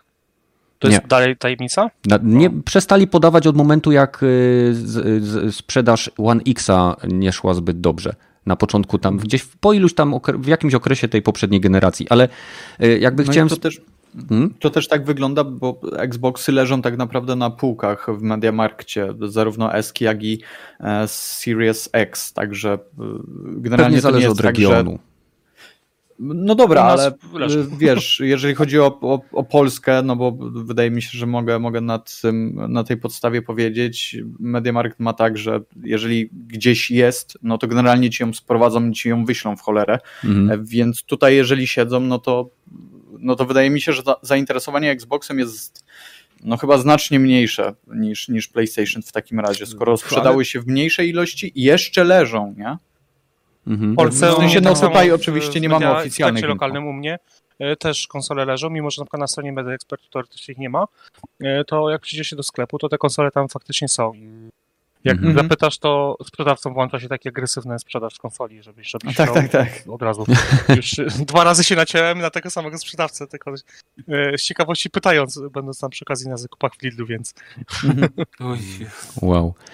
E, Ale to zależy od re- rejonu, bo rzeczywiście Xbox nie jest silną marką w Europie. i No nie jest. Chyba w Polsce też nie jest, ale mm, cho- jeżeli mówimy o rejonach, to też czytałem o tym, że PS5 się strasznie źle sprzedało e, w Japonii. Tak. Może bo z tego powodu, e, że ale nie ma, tam tych konsol nie było, wiesz, olali, to... al, albo olali japoński olali. rynek. olali, ale Kolejny to i tak, zresztą. i tak to jest dziwne, bo jeżeli dodasz ilość sprzedanych konsol w Japonii, to wychodzi około dwudziestu kilku tysięcy. Nie? Hmm. A y, o poniżej, ja to nawet na Twitterze gdzieś widziałem, aż odpowiedziałem na tego tweeta, bo nie chciało mi się wierzyć. Wiesz, ile się sprzedało Xboxów Series? 227 No właśnie. To, sztuk. Na Japonię. No, no dobra, nie, ale właśnie, no to a, bo Więc- czytałem artykuł, że Microsoft jest zadowolony sukcesem sprzedaży w Japonii. No bo Oj, kiedyś, ale było, kiedyś było gorzej, kiedyś czytałem, że było chyba poniżej, y, poniżej 20 czy iluś tam Tak, miesięcznie. po się- kilka sztuk było Tak. sprzedawali, tak. by- No To takie się, trzeba mierzyć siły na zamiary, nie? Ale ja się śmiałem, bo po premierze przecież w Japonii w pierwszym chyba tygodniu samych Xboxów się sprzedało ponad 20 tysięcy, więc Mm, można powiedzieć, że sprzedało się ich więcej niż za całą poprzednią generację. No. No. Natomiast może, może y, Sony nie było, a może po prostu dobrą ofertę dali. wracając też do Mm. tematu, to Sony ma bardzo mocno zautomatyzowane fabryki produkcji konsol. Mhm. E, Więc e, logicznym w tym momencie jest to, że e, chcąc zwiększyć produkcję swoich e, PS5, e, muszą e, przeskoczyć technologicznie na, No, na, na, na produkcję PS5, więc nie będą budowali nowych fabryk, tylko dostosowują obecne. A z, tam z różnych materiałów wiem, że na przykład bardzo podobna płyta główna jest w PS5 i w wersji Pro y, PS4. Y, Bardzo pros- podobny proces technologiczny jest, więc wy- wydaje mi się, że zamykanie linii produkcyjnych y, PS4 Pro y, ma Mhm. w tym momencie jak największy sens, bo będzie im po prostu łatwiej przystosować całą fabrykę No. do produkcji nowych, y, nowych konsol. Mam nadzieję, bo najwyraźniej e, bardzo wielu graczy nadal jest zainteresowanym zakupem tej konsoli, mimo wzrostu cen gier. To jest koszmar. Ale dobra, e, więc Killzone Czy umarło. Właśnie wiesz, na PS4 te ceny jeszcze nie są aż tak tragiczne, tak? One troszkę wzrosły, ale właśnie pod tym kątem też mi się wydaje, że dlatego też dużo ludzi będzie się interesowało czwórką, bo jednak te ceny na czwórce są bardziej akceptowalne niż na piątce, ale wiesz, też sam fakt, że zawsze te wszystkie poprzednie konsole y, bardzo długo żyły, bardzo długo były wspierane też tak de facto, nie? Ich produkcja i też y, wychodziły gry bardzo długo, więc to, Mhm. to jest, no to jest, to trochę mi się wydaje, że pojawia taki mały precedens, bo nawet jak nawet y, PS2 już było na rynku, to jeszcze Playak 1 był chyba do 2006 roku promowany i jest y, produkowany, mimo że przecież dwójka miała wsparcie, żeby odczytywać gry z jedynki, więc to jest naprawdę do, dość sytuacja ciekawa, gdzie Tylko to była zazwyczaj- ogromna różnica w cenie. To naprawdę była wielokrotna różnica w cenie. A w tym momencie ta różnica w cenie nie jest taka duża. Tak, W musimy sensie też. ta konsola mocno, ta, chodzi mi o stare generacje. Stare generacje na końcu generacji, kiedy wchodziły nowe, e, mocno taniały. Zawsze, a w tym momencie ona nie staniała właśnie. To jest zadziwiające. Wierzcie co, mi się wydaje też, że to wynika też z pewnej zmiany jakby zachowań zarówno Microsoftu jak i Sony, bo to, że Sony kończy produkować konsole, to nie znaczy, że przestaną na nie y, wydawać gry, ponieważ masz 100, 120 załóżmy czy 130 milionów ludzi, którzy potencjalnie mogą je kupić. Dlatego CD Projekt zdecydował się wydać Cyberpunka na poprzednią generację, bo wiedział, że mając swoją renomę i zaufanie graczy na całym świecie, Ludzie, którzy nie będą widzieli, jak, tą, jak ta gra działa, kupią ją w ciemno i dlatego już po kilku dniach od sprzedaży zwróciły im się koszty gry. Tak? No już No pal że później... się Ale kopie gry. Renoma już się nie zwróciła. No tak, ja, ja rozumiem, że, ale to był, to był taki No. y, no, za hazardowe zagranie, blef. Nie? Tak, nie tak. sprawdził się, nie wyszło, nie zdążyli tego doszlifować tak, jak to teraz działa po patchu 1.5 czy 1.6 na konsolach poprzedniej generacji, bo już jest w miarę stabilnie i grywalnie. Nie mówię, że jest dobrze, ale jest, da się przeżyć. Y, I y, tak naprawdę y, jakby producenci konsol zmienili podejście. Oni po prostu, jeżeli y, wcześniej zainwestowali bardzo dużo w systemy, które były drogie w produkcji, tak jak w przypadku PlayStation 3, która y, zyski z produkcji, ze sprzedaży samych y, konsol zaczęła przynosić dopiero pod koniec swojego życia, ponieważ była tak droga w produkcji. Tam jeden, jeden SKU kosztował chyba 800 dolarów produkcja, oni je sprzedawali po 600. Byli 200 dolców na początku życia całej generacji do tyłu na każdej konsoli. 200 dolców. I teraz po tamtym, co zrobili? Poszli w drugą stronę. Wzięli laptopowe chipy i zrobili jak najtaniej. I dlatego mieliśmy z kolei upgrade'y y, w połowie generacji, czyli te prosiaki wszystkie, tak? No i teraz, teraz z kolei poszli y, troszeczkę inaczej, próbując stworzyć coś, co jest w miarę współczesne, tak? czyli wykorzystują technologię, która ma start zarówno na PC-tach, jak i na konsolach, zmodyfikowany, e, wi- wiadomo, CPU, GPU i wpychają to w swoje konsole. Tak?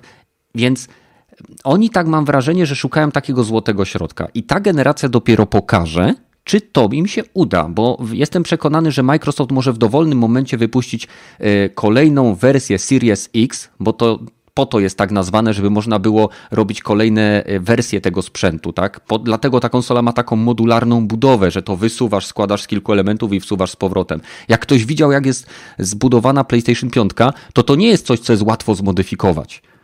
Prawdopodobnie będzie PlayStation 5 Pro, ale prawdopodobnie będzie miało troszeczkę inny wygląd niż, niż y, to, co, co teraz dostaliśmy. Zresztą wracając do samej Japonii, w Japonii konsola się też podobno nie sprzedaje, bo Japończycy nie cierpią wyglądu konsoli i faktu, że zmienili im kółko na krzyżyk. Może, może. Ja bym dorzucił jeszcze, że może Sony chce po prostu więcej zarabiać na digitalowych e, gierach. Jak Że- każdy. Bo wers wersja na PS5 trochę droższa, no to po co sprzedawać wersję na PS4? No to przestajmy. To wiesz, to wypuszczają w tym 4. momencie e, jeszcze tańszą PS4 bez napędu. Jaki to problem? A, to nie, to nie jest wykluczone. Wiesz, pamiętaj, że na, na koniec generacji PS, kiedy PS4 weszła, to Mhm. PS3 w tym momencie wyszła w takiej naprawdę low, low-endowej wersji, takiej ekstremalnie budżetowej i ona była, wiesz, technicznie była okej. Mhm. E, No to ja, ja naprawdę, to, to mnie dziwi, tym bardziej, że ty teraz Kenneth wcześniej mówiłeś, że oni do PS3 dopłacali, no ale do PS4 już nie dopłacali. Nie dopłacali, PS4 było od zgadza się. samego Po, od samego początku te, na każdym sprzedanym e, tej sztuce konsoli zarabiali. Tak, bo mówiłem, że Więc, poszli w y- drugą stronę, na oszczędność poszli. No. No, ale wiecie co, to co o czym wspomnieliście, to jest całkiem rozsądny kolejny krok, jeżeli chodzi o cykl życia PlayStation 4. E, Powoli będą wycofywać, e, wiadomo, we wszystkich krajach wersje dyskowe i wydadzą wersję Super Slim PlayStation 4. Pamiętajcie, że czwórka ma teraz wsparcie dla zewnętrznych dysków twardych. Więc E, za... może w końcu cichą PS4 wypuszczą. no. Oj, no. Tak, cicha jak nigdy.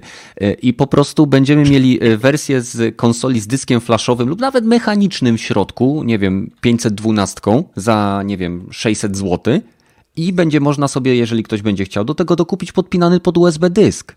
I te 120 milionów graczy, którym prędzej czy później ta czwórka się zepsuje, bo niestety mechaniczne rzeczy się psują, flashowe dyski też, ale to jest inna bajka, i będą mogli nadal wspierać tą, tą, że tak powiem, generację poprzednią, więc to jest do ogarnięcia wszystko. Ale dobrze. E, Mamy jeszcze. Zobaczymy, jak długo no, nowe gry będą wychodziły na PS4. No to jest najważniejsze. i jak będą na niej działały. To jest też najistotniejsze. Znaczy, tylko wiesz, teraz mi teraz mnie zastanawia jedno. Jeżeli e, faktycznie oni chcą wycofywać powoli to wszystko, przy czym też powiedzieli, że przez tylko jakieś 2-3 lata będą wspierać. To jest To się logiczne, to- że będą wy- powoli się wycofywać. To Tak, ale też mi się po prostu wydaje, że teraz właśnie e, koniec, wiesz, ty, ta ostatnia gra, czy tam ostatnia FIFA na PS4 wyjdzie znacznie szybciej niż za te tam 5-6 lat, tak jak zawsze było, że dopiero na PS3 dopiero w 2014 roku padło. W PS2 chyba dopiero w 2012 czy 2010, jakoś tak. Więc mi się wydaje, że skoro oni chcą coś takiego zrobić, to też właśnie przestaną szybciej e, ciągnąć e, czwórkowego trupa, bo tak to no faktycznie mieliśmy prawie całą generację zawsze e, poprzednią ciągniętą do, do przodu, nie? Mhm. Wiesz co, możesz mieć rację, ale z mojego punktu widzenia o wiele bardziej prawdopodobnym powodem, dla którego będzie coraz mniej gier wychodziło na poprzednią generację, jest y, bardzo duża zmiana y, w architekturze konsol. I tak jak masz gry, które są, były tworzone, na przykład y, Doom 2016 wyszedł bez problemu na konsolę poprzedniej generacji i działał tam w miarę ok, to żeby wydać tą grę na Switcha, trzeba było już stworzyć specjalny, oddzielny build gry, stworzony od zera. Dziwisz się? nie dziwię się, ale to jest przykład. Teraz mamy e, konsole, które mają zarówno po stronie Microsoftu, jak i Sony specjalnie zaprojektowaną architekturę dy z dyskami SSD o niesamowitej przepustowości i e, gry, które będą chciały skorzystać z tego, mieć te szybkie loadingi, lepsze tekstury, więcej asetów na ekranie, które można po prostu przerzucić do, z pamięci y, konsoli, z dysku do pamięci graficznej i rzucić to wszystko w obliczanie, będą właśnie problemem dla poprzedniej generacji. I Dlatego według mnie te najnowsze gry, te najlepsze gry będą odcinały się od poprzedniej generacji po to, żeby zrobić efekt wow. Bo podnosząc ceny, nie mówię o Game Passie, bo to jest w ogóle raj dla graczy, ale mówię o konsoli Sony. Żeby uzasadnić dla mnie zakup gry za 350 zł, ta gra w tym momencie musi mi pokazywać y, oczojebną grafikę, wybaczcie za słowo, ale musi mi- mieć też praktycznie nienaganny gameplay. Te, dlatego na No przykład... Cyberpunk się takim nie może pochwalić. No ale on nie jest next genowy. Od tego zacznijmy, przynajmniej nie na konsolach. E, I dlatego tak, e, takim miłym okiem patrzę na Returnal, ponieważ e, uwielbiam gierki Housemarka. No, to, to może być bardzo fajny TPS. E, I, I jest jeszcze kilka takich tytułów, które mają wyjść na konsole Sony, które być może kupię. Ale Jak e, Outriders? Jak Outriders. Właśnie widzisz, troszkę mi zabrałeś mój Segway, ale dziękuję też, że, sorry. że zadziałałeś w tym e, właśnie dobrze wyczutym momencie. E, Zanim przejdziemy do Outriders, e, które zostało przesunięte, miało mieć premierę 2 lutego, teraz będzie miało premierę 1 kwietnia, to nie jest prima aprilis, tak będzie. Chciałem przypomnieć, że jeżeli jesteście tu po raz pierwszy, to po pierwsze bardzo Was gorąco witamy na 113 epizodzie. Jeżeli chcielibyście z nami pogadać, rzucić pomysły na kolejne epizody, dołączcie do naszego Discorda. Znajdziecie tam też specjalny pokoik, który nazywa się geekgamer.pl, gdzie znajdziecie innych twórców YouTube, e, którzy tworzą bardzo oryginalne i czasem trochę dziwne materiały. Znajdziecie tam też podcast e, Padlock Podcast, podcast Push Start i Trigger Podcast oraz e, to podcast giereczkowo ostatnio wrócił z zaświatów, nie, Badyl? Tak, tak, wrócił to i nagrał odcinek e, O Cyberpunku. o Cyberpunku, dokładnie. Nie No. wiem, czy słuchałeś. Także w, z tych, wiesz co, nie miałem kiedy, ale w tych dobra, właśnie dobra. miejscach będziecie w stanie znaleźć inne ciekawe podcasty, być może nawet lepsze niż nasz, chociaż mało prawdopodobne. Więc, y,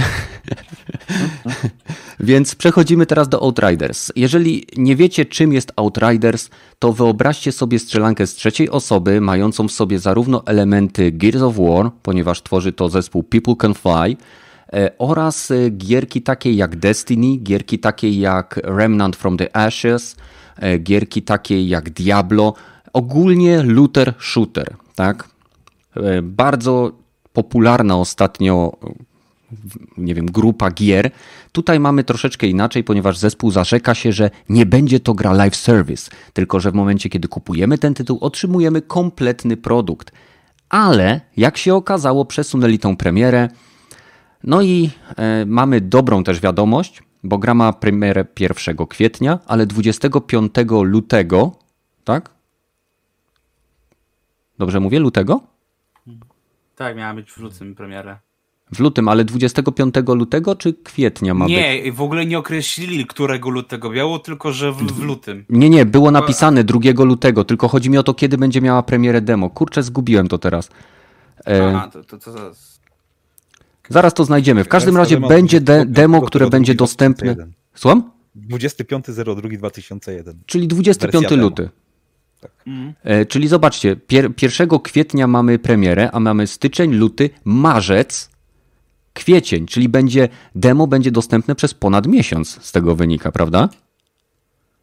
Już nie trzeba nawet gry kupować. No, słuchajcie, to jest, to jest bardzo oldschoolowe podejście do promocji gry, bo z jednej strony teoretycznie może to być dowód na to, że to jest dobry tytuł, chociaż nie zawsze, bo przecież mieliśmy też demo Avengers, e, Marvel's Avengers i wiemy jak ta gra skończyła, ale Anthem tak samo miało demo, też wiemy jak skończyło. Anthem też miało demo, Destiny 1 też miało demo i wszyscy się No to zakochali. Chyba mamy już pełną prawidłowość. No. Czego się można Aczkolwiek spodziewać. przy Antemie było demo na ile? Tydzień przed premierą gry, więc tutaj nie było już raczej żadnych możliwości jakiejkolwiek poprawy rozgrywki, bo wiedzieliśmy, że tak jak demo wygląda, tak demo, tak gra będzie wyglądać, a Mhm. tutaj jednak stawili sobie te prawie dwa miesiące na doszlifowanie i ewentualne poprawienie bugów, którzy gracze znaleźli w tym demie jeszcze. A to jest Znaczy- zresztą otw- e, demo pełno takie jakby dla wszystkich, nie? A już chyba były dema dla specjalnych, o tak powiem. Tak, dla, Na dla już twórców na w YouTube. Tak, a jeśli chodzi o właśnie Outriders, to mamy tam dostać ładnych parę godzin gameplayu, gdzie będziemy mogli zagrać absolutnie wszystkimi dostępnymi klasami, więc nie mamy tutaj ograniczeń co do tworzenia postaci. E, Będziemy mogli zagrać również w koopie bez żadnych ograniczeń i będziemy mieli misje główne oraz misje poboczne, więc przygotujcie się. I się progres jeszcze chyba przynosi do finalnej wersji z tego, Tak, co tam kojarzę. tak. Więc przy. Aha, i słuchajcie, jestem też ciekaw, bo ta gra ma pora... jako jeden z niewielu tytułów teraz na rynku oferować crossplay między wszystkimi siedmioma platformami. Czyli nawet Stadium. W późniejszym terminie. Więc e, chodzi mi o to, że słuchajcie, przygotujcie się, że jak to demo wyjdzie, będziemy na pewno próbowali to jakoś e, zorganizować, jeżeli ten crossplay będzie działał, żebyśmy zagrali e, ktoś na konsoli, ktoś na PC, być może ktoś na Xboxie, żebyśmy mogli to wszystko przetestować, więc może się jakoś na tym naszym Discordzie uda nam z, z organizować. Ale co sądzicie, czy przesuwają, bo boją się takiego strzału, jak sobie CD Projekt Red zrobił, bo to jest o wiele mniejsze studio. Jak sądzicie? No, też uważam, że też gra w zeszłym roku chyba miała pierwotnie też wyjść, więc Tak. Też- ona miała być tytułem przypuszczam, że- startowym na, na e, konsolach. Że developing się przedłuża przez covid bo to jednak e, nie jest. Tak podobnie może mają sytuację z, z co CD Projekt, że po prostu nie mają zewnętrznego studia, który im robi testu, te testy zewnętrzne, nie QAA.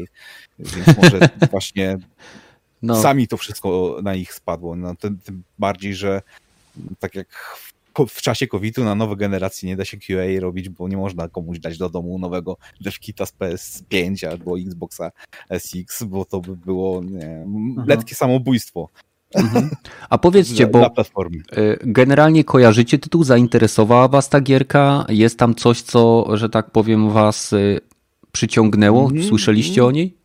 Ja tak powiem, że mnie to bardziej interesuje niż na przykład Destiny, bo tutaj jednak ta trzecioosobowa strzelin, strzelinka wygląda trochę bardziej dynamicznie, ale też lore mi się bardziej podoba. Wygląda tutaj, że e, napisali lore i na podstawie tego loru zrobili grę, gdzie w Destiny zrobili grę, a potem dopiszemy do tego jakiekolwiek lore. Mam takie wrażenie, jak, Mhm. jak patrzę na ten ich lore. I tutaj ten świat jest troszeczkę, mimo że, że nie lubię połączenia fantazy z sci-fi, to tutaj jest o wiele bardziej spójny, taki, no nie wiem, ma ręce i nogi. Bo, no, jestem w stanie to prze, y, uwierzyć i jednak ten gameplay taki, nie wiem, może mi się przysłyszało, ale oni chyba mówili, że e, osłona jest dla, dla tchórzy, nie? Cover up is for e, cowards, czy jakoś Mhm. tak I, i trzeba, mimo że to jest taki trzecioosobowy cover shooter, to jednak trzeba dynamicznie tą rozgrywkę jednak prowadzić, żeby nie, nie jest to troszeczkę tak jak, e, nie wiem, SpongeBullety w, w, w, tym, w Borderlandsy, czy, czy znowu, znowu za coverem idziesz, pierwsze co właśnie w Division się robi, to idziesz do coveru, a potem dopiero zaczynasz strzelać. Tutaj jednak trochę bardziej dynamiczna ta O, wydaje. widzę, że troszkę śledziłeś tytuł, bo faktycznie Ja co na YouTube oglądałem Tak? i, to, to, i ty, tyle mogę powiedzieć o tej grze. Mhm. Znaczy, powiem tak, y, faktycznie w tej grze jest tylko jedna klasa, która ma umiejętność, zakładając, że się w nią wyposażymy, która może leczyć innych. W przypadku każdej innej klasy postaci y, promowana jest agresja i odpowiednie, jeżeli słyszycie coś w tle, to mój ekspres postanowił się przeczyścić, Y, więc y, tak naprawdę musicie wykorzystać określoną umiejętność lub cechę swojej postaci po to, żeby właśnie po zabiciu przeciwnika odzy- odzyskać część zdrowia. To jest troszeczkę tak, jak ktoś grał w Bloodborna, e, gdzie w momencie, kiedy dostaliśmy strzała i szybko ponownie zaatakowaliśmy przeciwnika, ich e, jakby krew nas ochlapała, to wtedy odzyskiwaliśmy życie. Tutaj mamy e, w Dumie przecież tak jest, że odzyskujesz zdrowie zabijając, także... E, Za gl- glory killsy ci od, oddają, tak, bo rozrywasz tych tak, przeciwników. No, czyli jest gierka, w której jest promowana właśnie agresja i dynamika rozgrywki. Więc myślisz, e, jeśli dobrze rozumiem, Rogaty, to zastanawiasz się nad kupnem, więc będę miał z kim grać? Mhm. No, no. tak, tak. Zajebiście, bo ja właśnie szukam kogoś, bo tam się w, w trójeczkach gra, więc byłoby pięknie. No, jeszcze Badyna namówimy. No właśnie ja chciałem powiedzieć, że Czyli do mówisz, mnie Kenneth, gra... że lubisz trójkąty. Oczywiście. No, generalnie jak, jak można, to dlaczego nie? Im nas więcej, tym weselej. Dokładnie. Taka- A oglądałeś film Ludzka Stonoga? To dopiero jest film. Ojej. Którą część? Którą część, kurwa? Okej, nie wiedziałem, że jest więcej. Ja też nie wiedziałem. Najwyraźniej ludz- ludzka stonoga może nie mieć końca. E, Co mówiłeś, Badyl, o tym? No?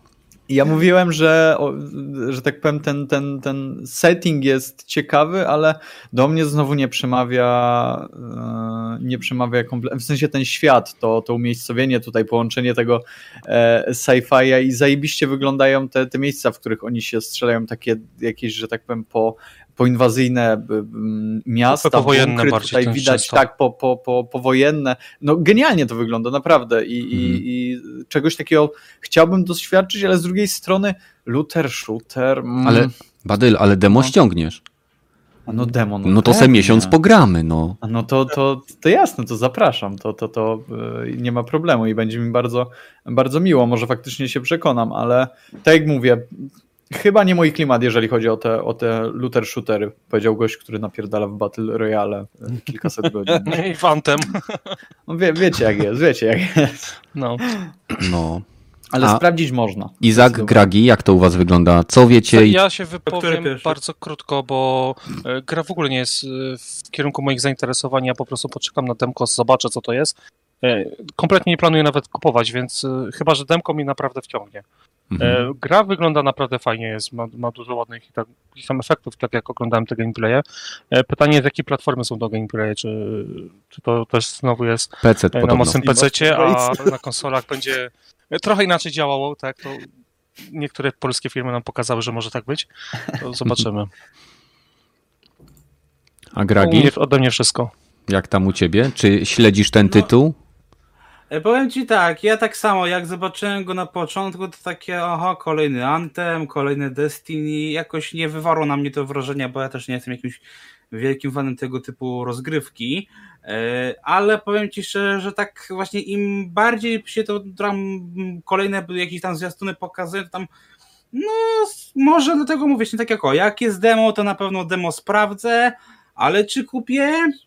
Wszędzie zobaczyć. Mówię, na pewno demo będę ogarniał sobie, e, tego jestem pewien, ale mówię, no tak to szczerze powiedziawszy mówię, no powiem Ja ci to- tak szczerze, że jak zobaczyłem potem Returnal, to ja nie wiedziałem, które jest które, nie?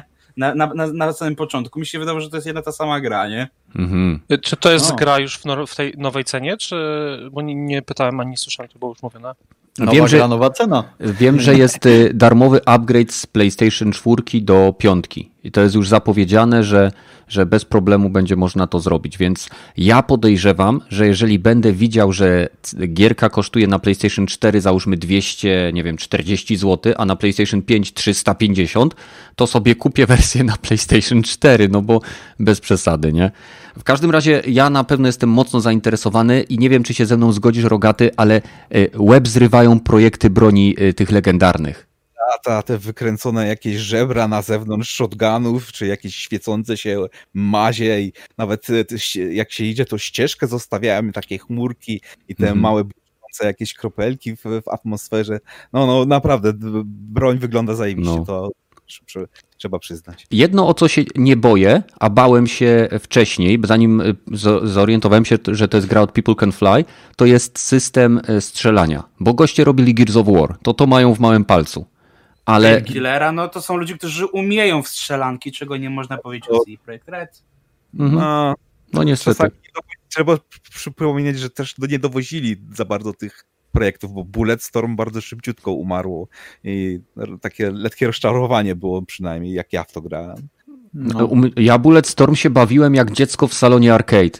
Tak tyle, dla mnie to był Duke Nukem XXI wieku y, i teraz nawet mam wersję tą odnowioną i Z Duke'iem. Z Duke'iem, oczywiście. O, jedyna słuszna wersja i granie w, tylko w tej o, o, konkretnej osobie jest najlepsze, ale e, niestety bardzo niefajnie zestarzało się sterowanie w tym tytule. Tak. I, I naprawdę jest tragiczne. Więc to jest jedna rzecz, która mi e, przeszkadza, ale na początku, jak widziałem gameplay z Outriders, e, postacie były strasznie drewnianie animowane. W tych najnowszych gameplayach jest już o wiele, o wiele lepiej, więc ja na pewno ten tytuł w demie będę ogrywał do bólu, bo będę chciał sprawdzić, jak to wszystko działa. Liczę, że to będzie demo dostępne na wszystkie platformy z crossplayem. Trzymamy za to kciuki.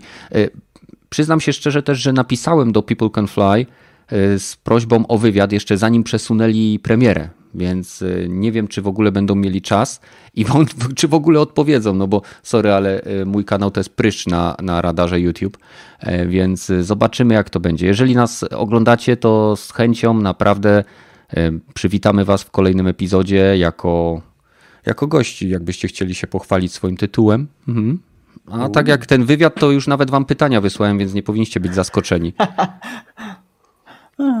No słuchaj, ja, ja gram w otwarte karty. Od razu im napisałem, słuchajcie, chciałbym wywiad. Najlepiej na kamerce, żebyśmy się widzieli. Jak nie, to audio też może być, nie będę wymagający.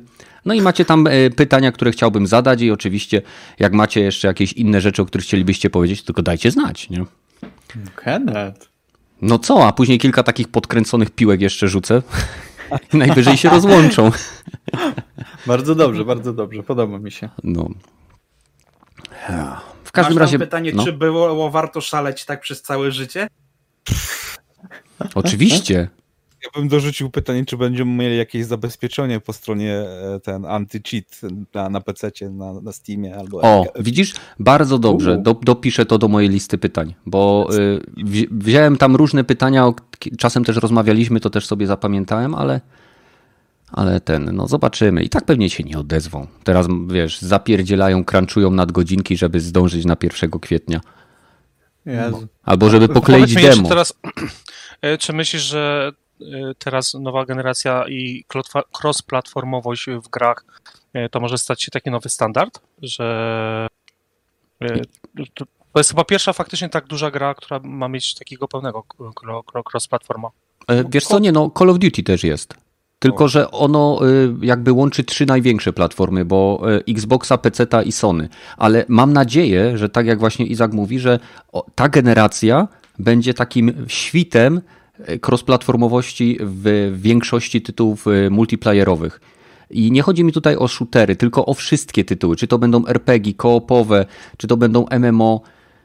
Społeczność graczy jest zawsze zdrowsza, jeżeli jest więcej graczy. Tylko muszą być dobre zabezpieczenia antycheatowe.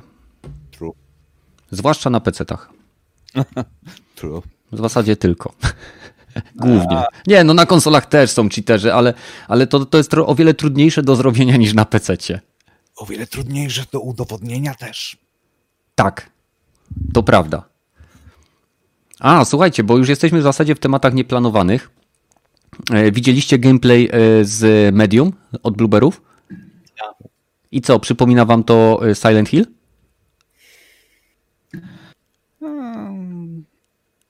Medium to jest ta gra, co była zapowiedziana na Wii? Nie, Nie. Nie wiem, jakoś mi się skojarzyło, nie, na Xboxa Exclusive. bo była taka gra bardzo dawno temu na Wii zapowiedziana w taki, ten, i tak e, ona nigdy nie wyszła. Mhm. Nie, nie, nie, nie, Silent to jest... Hilla dwójki bym powiedział, że te, te pierwsze sceny właśnie takie szare budynki, światła, kraty. A to ten, Polska latarki, jesienią. No, no, no dokładnie, nie. Ale tym- potem śmierdzi strasznie pierwszymi rezydentami. Ta kamera statyczna, Tak poruszenie postaci, to jest taki pierwsze rezydenty mocno. Tak miało być, aczkolwiek powiem ci, że jak zobaczyłem, jak animowana jest e, postać tej Marii, e, bo ona chyba tak ma na, na, na imię. e, Marianna. Marianna, no okej, sorry, e, sorry. E, jak ona chodzi, jak, jak się zatrzymuje i tak stoi z takimi swoimi oczami martwymi, wpatrzonymi gdzieś tam w dal, no to mam wrażenie, że chyba nie, nie skumali, że robią grę już na y, next gena, że, że to powinno troszeczkę inaczej, w mojej opinii przynajmniej działać, bo o ile gameplayowo, no zobaczymy, co, co się z tego urodzi, te, te, te zagadki e, są, były w miarę proste, e, w miarę, w miarę takie, takie czytelne, e, jeżeli chodzi o ich prezentację w gameplayu, no to sama postać, to, to mówię wam, takie najprostsze rzeczy, to co ona robiła, bo nie wiem, tam idzie martwo, staje przed jakąś rzeczą, musi stanąć, żeby można było wejść z tą rzeczą w interakcję i e, e, to samo na przykład w momencie, gdy miała przeciąć jakąś linę, która podtrzymywała jakiś, e, jakieś, nie wiem, głazy czy kamienie, żeby potwór poszedł w to miejsce, gdzie, gdzie one spadły, no to generalnie im się nawet nie chciało, y, tam wyciąga nożyce ze swojego plecaka i nie ma animacji, że ten sznur nawet jest przecinany przez te nożyce, tylko jest na zasadzie, że on, nie wiem, że on gdzieś tam leci ten, ten sznurek, także Mm, trochę mam tutaj rozjazd, bo ja rozumiem, że postawili na, na ten renderowany na dwóch ekranach świat i, i, i to im pewnie bardzo dużo, że tak powiem, zeżarło. To znaczy, wierzę w to, co mówią, że, że tak było, że zeżarło im to dużo, że tak powiem, pewnie zasobów, że dopiero next geny mogą to wykorzystać. E, e, Hmm. i, i, ale tak jak mówię, nie widzi mi się to, y, ta ne- next-genowość tego tytułu w momencie, gdy widzę, jak postać się zachowuje, jak jej animacje są ubogie, jeżeli chodzi o takie proste poruszanie się. Ona, y, że tak powiem, po- no porusza się tak jak Gragi tutaj trochę powiedział, w pierwszych kurczę rezydentach. A Wiesz, nie wiem, ja myślę, że to jest właśnie e, specjalnie tak zrobili, że to jest zrozmyślnie właśnie nawiązanie do, do tych właśnie starych takich Silent Hillów, e, żeby wzbudzić właśnie taką nostalgię, o taki oldschoolowy, fajny e, horror e, gra, która mnie interesuje. A bo pamiętam, że to tak mniej więcej wyglądało w Silent Hillu, a tutaj mam nową grę, ale to nie jest Silent Hill, ale może specjalnie to zrobili. Ja, ja chciałbym w to wierzyć, ale powiedz mi, czy w momencie, gdy ta postać, jak ona, nie wiem, staje i, nie wiem, oglądałaby się nerwowo za siebie, czy, nie wiem, gdzieś tam spoglądała sobie pod nogi, e, czy, czy tego typu smaczki by ci zaburzyły ten odbiór jakoś bardzo? Bo w mojej opinii e, nie tyle nawet by nie zaburzyły, co by dodały e, jakiś, jakiegoś wyrazu tej postaci. Powiedziałyby, że słuchajcie, no mamy kurwa dla was grę, nad którą pracowaliśmy, a nie mamy dla mhm. was wiem, jeśli, Jeśli mogę wejść przed rogatego, to myślę, że takie zachowanie postaci, bo mamy tutaj, mam wrażenie, że ta postać zachowuje się jak w starych przygodówkach point and click. Mhm. Że mm, podchodzisz, no, no. wybierasz jakąś akcję, ona się dzieje. I e, wiem, dlaczego kamery są statyczne, bo w innym wypadku e, dopasowanie geometrii i e, jakby tych dwóch światów, które są renderowane w tym samym momencie, mimo że tam drobne różnice, drobne, nie drobne, ale są różnice geometrii, inne teksturowanie, to musi być ten sam widok. Ale gdyby ona się obracała, rozglądała, czasem podniosła na przykład nogę i spojrzała pod nią, to by był sygnał dla gracza, że ona widzi coś więcej, tak? Patrzysz na ten świat normalny, a ona nagle obraca się za siebie, albo patrzy na sufit na przykład, że a w tym świecie obok, ty tego nie widzisz na ekranie, załóżmy, nie wiem, lewym, a po prawym widzisz, że ta postać jak się patrzy, to na przykład, że coś na suficie się rusza i byłoby wtedy takie poczucie obecności w tym konkretnym świecie i to mogłoby być kontekstowe, że za każdym razem jak wejdziesz do tego pomieszczenia, to w różnej kolejności, nie wiem, tutaj na przykład ze ściany coś zaczyna pulsować, tutaj nie wiem, coś kapnie gdzieś, albo ona w coś wdepnie, albo nie wiem, coś potrąci y, puszkę w naszym świecie, a w drugim świecie to jest na przykład wyrwane serce, czy coś innego.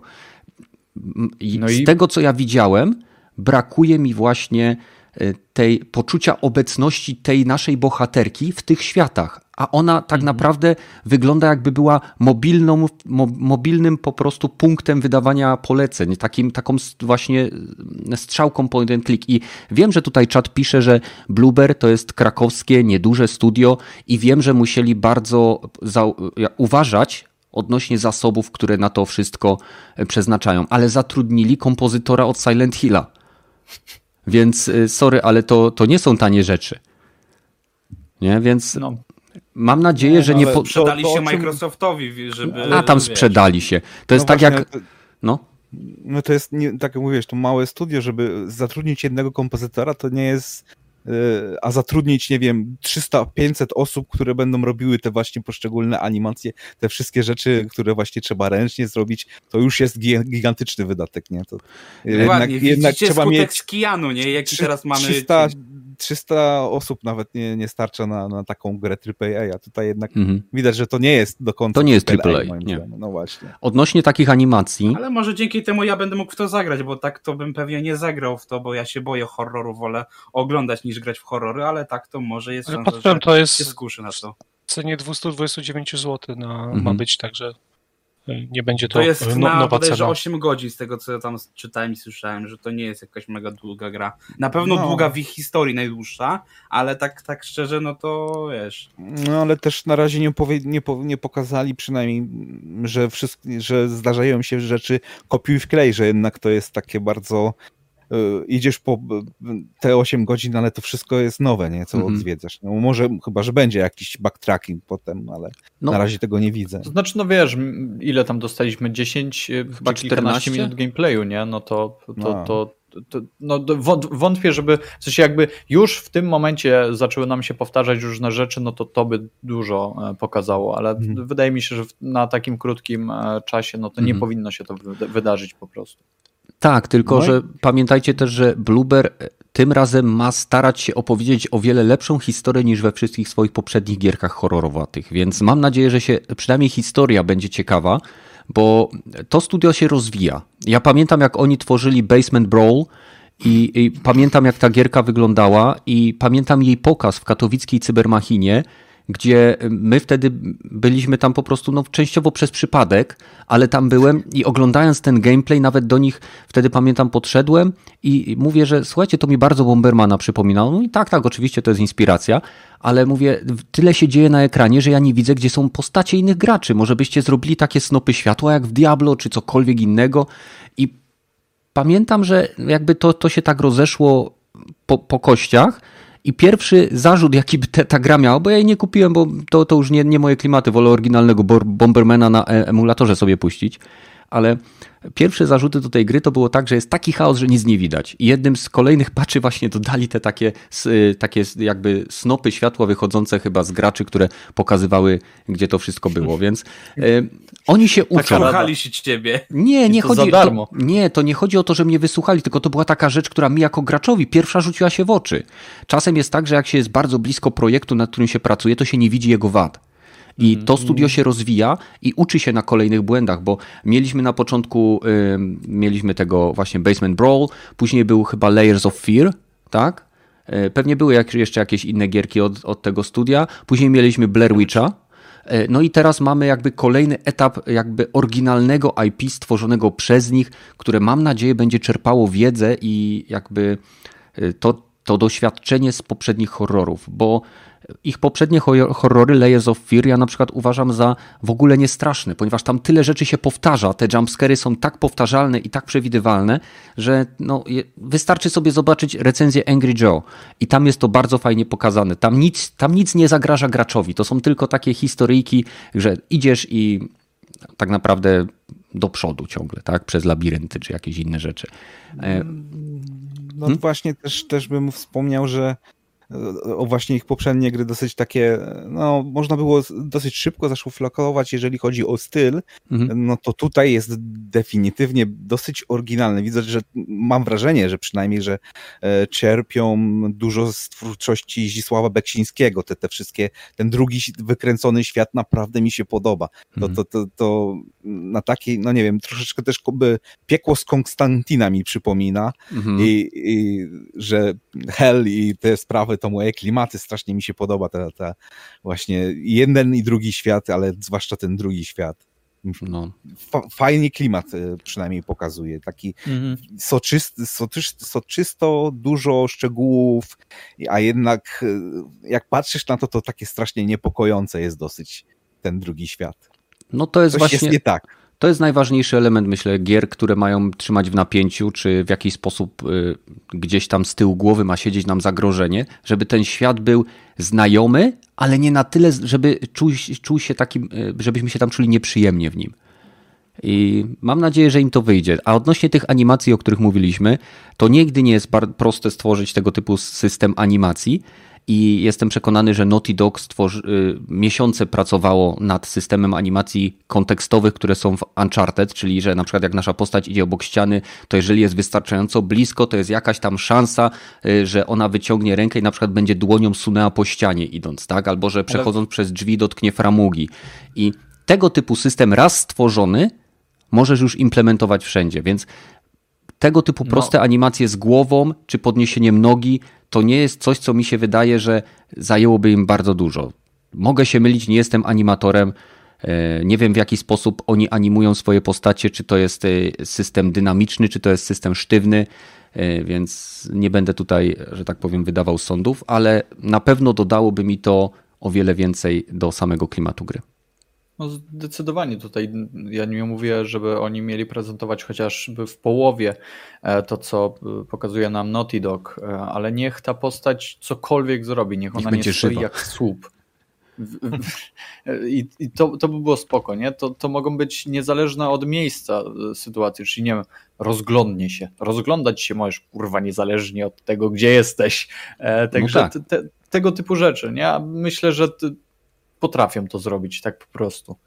Też mi się tak wydaje. E, nie wiem, czy w grze były wykorzystywane sesje motion capture, ale no, mogli były zatrudnić. Na pewno, przecież e, masz Dorocińskiego i Weronikę Rosati, która użyczyła e, gęby swojej Mariannie, więc na pewno było wykorzystywane. No to skany twarzy na pewno zrobili. Być może polscy aktorzy nie czują się zbyt dobrze w piankowych strojach z przyczepionymi w różnych częściach ciała kulkami. No może tylko voice, voice acting. Może robili, tylko nie? voice acting, no. Pan... Full ten motion e, capture. I nie, tam nie ma z tego co wiemy użyczył twarzy, ale głosu już nie. Ale nie, tam w ogóle nie ma ich głosów. Tak? Bo, Może w trailerze tylko. Z... Nie, nie, nie, nie. Oni mówili, że nie będzie ich głosów po prostu. I to nie jest związane z tym, że aktorzy się nie zgodzili, tylko po prostu y, oni mają mieć inny głos i tyle. Mhm. No, No bo oni też celują nie tylko w nasz rynek, No, no po angielsku no, może. tylko po prostu, no, umówmy się, to już oni podbijają świat. Tak jest. Ale to mógłbyś mieć wtedy polski dubbing, nie? No nadal będziesz mógł w- Na Netflixie ma swoją gębę i swój głos. Nikt mu nie, nie zrobił oddzielnego całkowicie innego, nie? No tak, ale jak gada po angielsku, to już nie swoim głosem, nie? Ale nie, no bo niektóre seriale nawet, coś nie wiem, w Niemczech Dark jest po chyba angielski dubbing cały od nowa zrobiony specjalnie dla serialu, bo nikt nie nie lubi niemieckiego słuchać, nie? Że też tak w ten sposób celują, że na większy pewnie rynek, no to tak. podłóżmy jako główny ten. Nie przyznawajmy się do końca, że jesteśmy z Polski. Dokładnie. Słuchajcie, ja życzę Blueberom jak najlepiej, żeby wyciągnęli wnioski ze swoich poprzednich produkcji i niech się rozwijają. Niech, ze, niech nie stracą perspektywy y, jakby początku swojego studia i niech nie bawią się w, w inne firmy, które czasem, mam wrażenie, się już troszeczkę odkleiły od rzeczywistości na polskim rynku. E, A odnośnie rzeczy, które można skopiować lub pożyczyć od innych firm, to co sądzicie o patencie i ym, ankiecie? To była ankieta?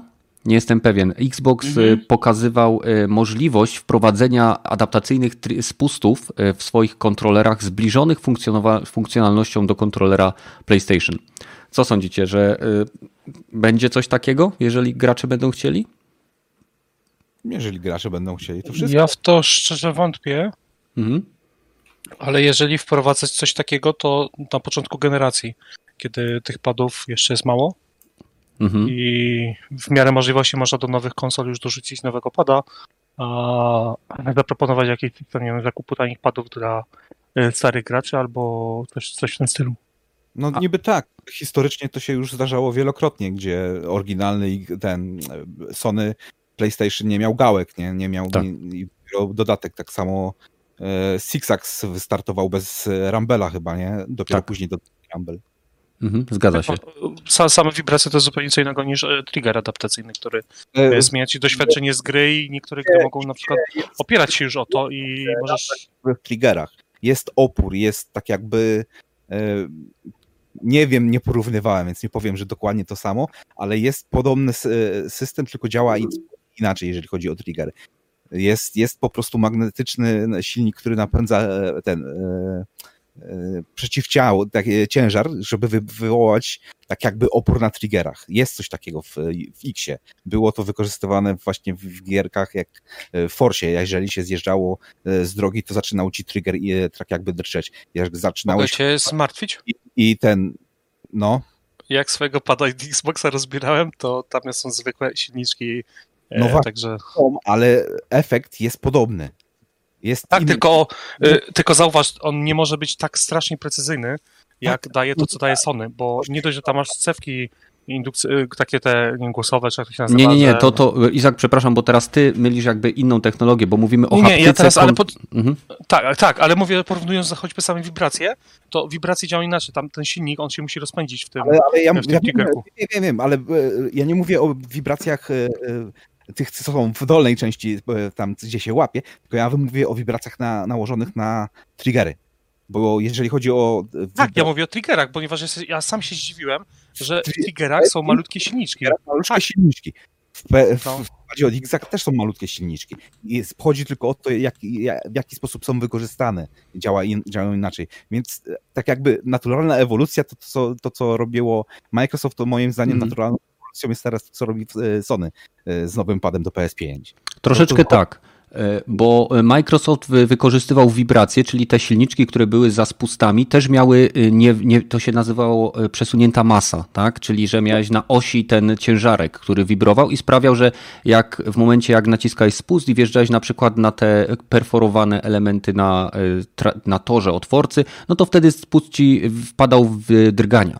W przypadku Sony jest, mamy do czynienia nie tylko z drganiami, ale z fizyczną możliwością zmienienia e, ruszania tym triggerem. W sensie to nie jest tak, że to ci tylko stawia opór, ale ten trigger jest ci w stanie e, na przykład wypchnąć, znaczy wiadomo, że nie jest w stanie wypchnąć ci palca, bo jesteś człowiekiem, jesteś w stanie zgnieść tego pada, ale e, przykładowo w No Man's Sky w momencie odpalania silniku statku w tej wersji PS5, na początku masz taki, taki takie wrażenie, jakbyś faktycznie odpalał no, silnik. Jest tak, trigger wibruje na początku powoli, im mocniej go wciskasz, tym wibruje silniej, ale to nie są wibracje, tylko czujesz, jak on ci napiera na palec. W przypadku, nie wiem, Borderlands masz sytuację, gdzie masz spust, który w, moment, w pewnym momencie dochodzi ci tak, że masz twardy opór. I dopiero musisz przezwyciężyć ten opór i dopiero broń strzela. E, w przypadku, e, nie wiem, e, mamy mm, kurczę, Astro Playroom? Nie, Astro Playroom, niech będzie. Astrobot Play, tak, to jest dokładnie to. Ten to demo pada. Tam też mamy sytuację, gdzie mamy cały level, gdzie chodzimy z takim jakby działkiem plazmowym i podczas strzelania ten trigger nie tyle wibruje, bo wibracja to jest jedno, to, jest, to są drgania, a tutaj czujesz fizyczny napór na palec. I to jest właśnie ta różnica. I to jest też coś takiego, że jak ja gram na moim nakonie w gierki z PlayStation 4, to tego nie zauważam, ale później nagle włączę sobie Spidermana i mówię: O kurczę, jak mi tego brakowało kiedy bujam się na tej durnej pajęczynie albo e, właśnie tak jak w No Man's Sky e, ten, e, nie wiem, latam czy, czy jakieś inne rzeczy robię. No. Jest to naprawdę coś fajnego. Znaczy, jeżeli chodzi o to, że pady się psują, to ja jestem w stanie to zrozumieć, bo to jest nadal mechanizm oparty o jakąś tam przekładnię ślimakową i zębatki, które są plastikowe i tak naprawdę wszystko może się zepsuć. Nie wiem, jaka jest skala tych uszkodzeń. Dla przykładu, mój znajomy miał PS5, która mu się po prostu wyłączała. Nie był w stanie grać na niej dłużej niż kilkanaście minut, nawet update musiał robić, za którymś razem mu się dopiero udało. I zadzwonił Poprawiło po prostu. To? Słucham? Poprawiło mu to działanie konsoli? Nie. Nie, nie, nie. On zadzwonił tylko do serwisu Sony, Serwis. powiedział, opisał, opisał jaką, jaką ma, jaki ma błąd E, oni tylko go poprosili o numer seryjny i momentalnie e, wzięli ją na serwis i przysłali mu nową. Także zero Skąd pytań. Oni ją wzięli? Nie wiem. Nową konsolę. Nie wiem. Może, może ktoś miał więcej i po prostu mu dał. Albo sprzedał. Albo sprzedał. Jakiś skalper. No. Albo wyjątkowo szczęśliwy człowiek, który przez zupełny przypadek dostał y, od kuriera dwie. No, no takie rzeczy podobno się jedną zdarzają. Dobrą, jedną, no, no. No. Słyszałem. No więc, A, więc wszystko się ludzie. psuje, nie? Tak. Co jeszcze mamy ciekawego? Ja chciałem powiedzieć, Mhm.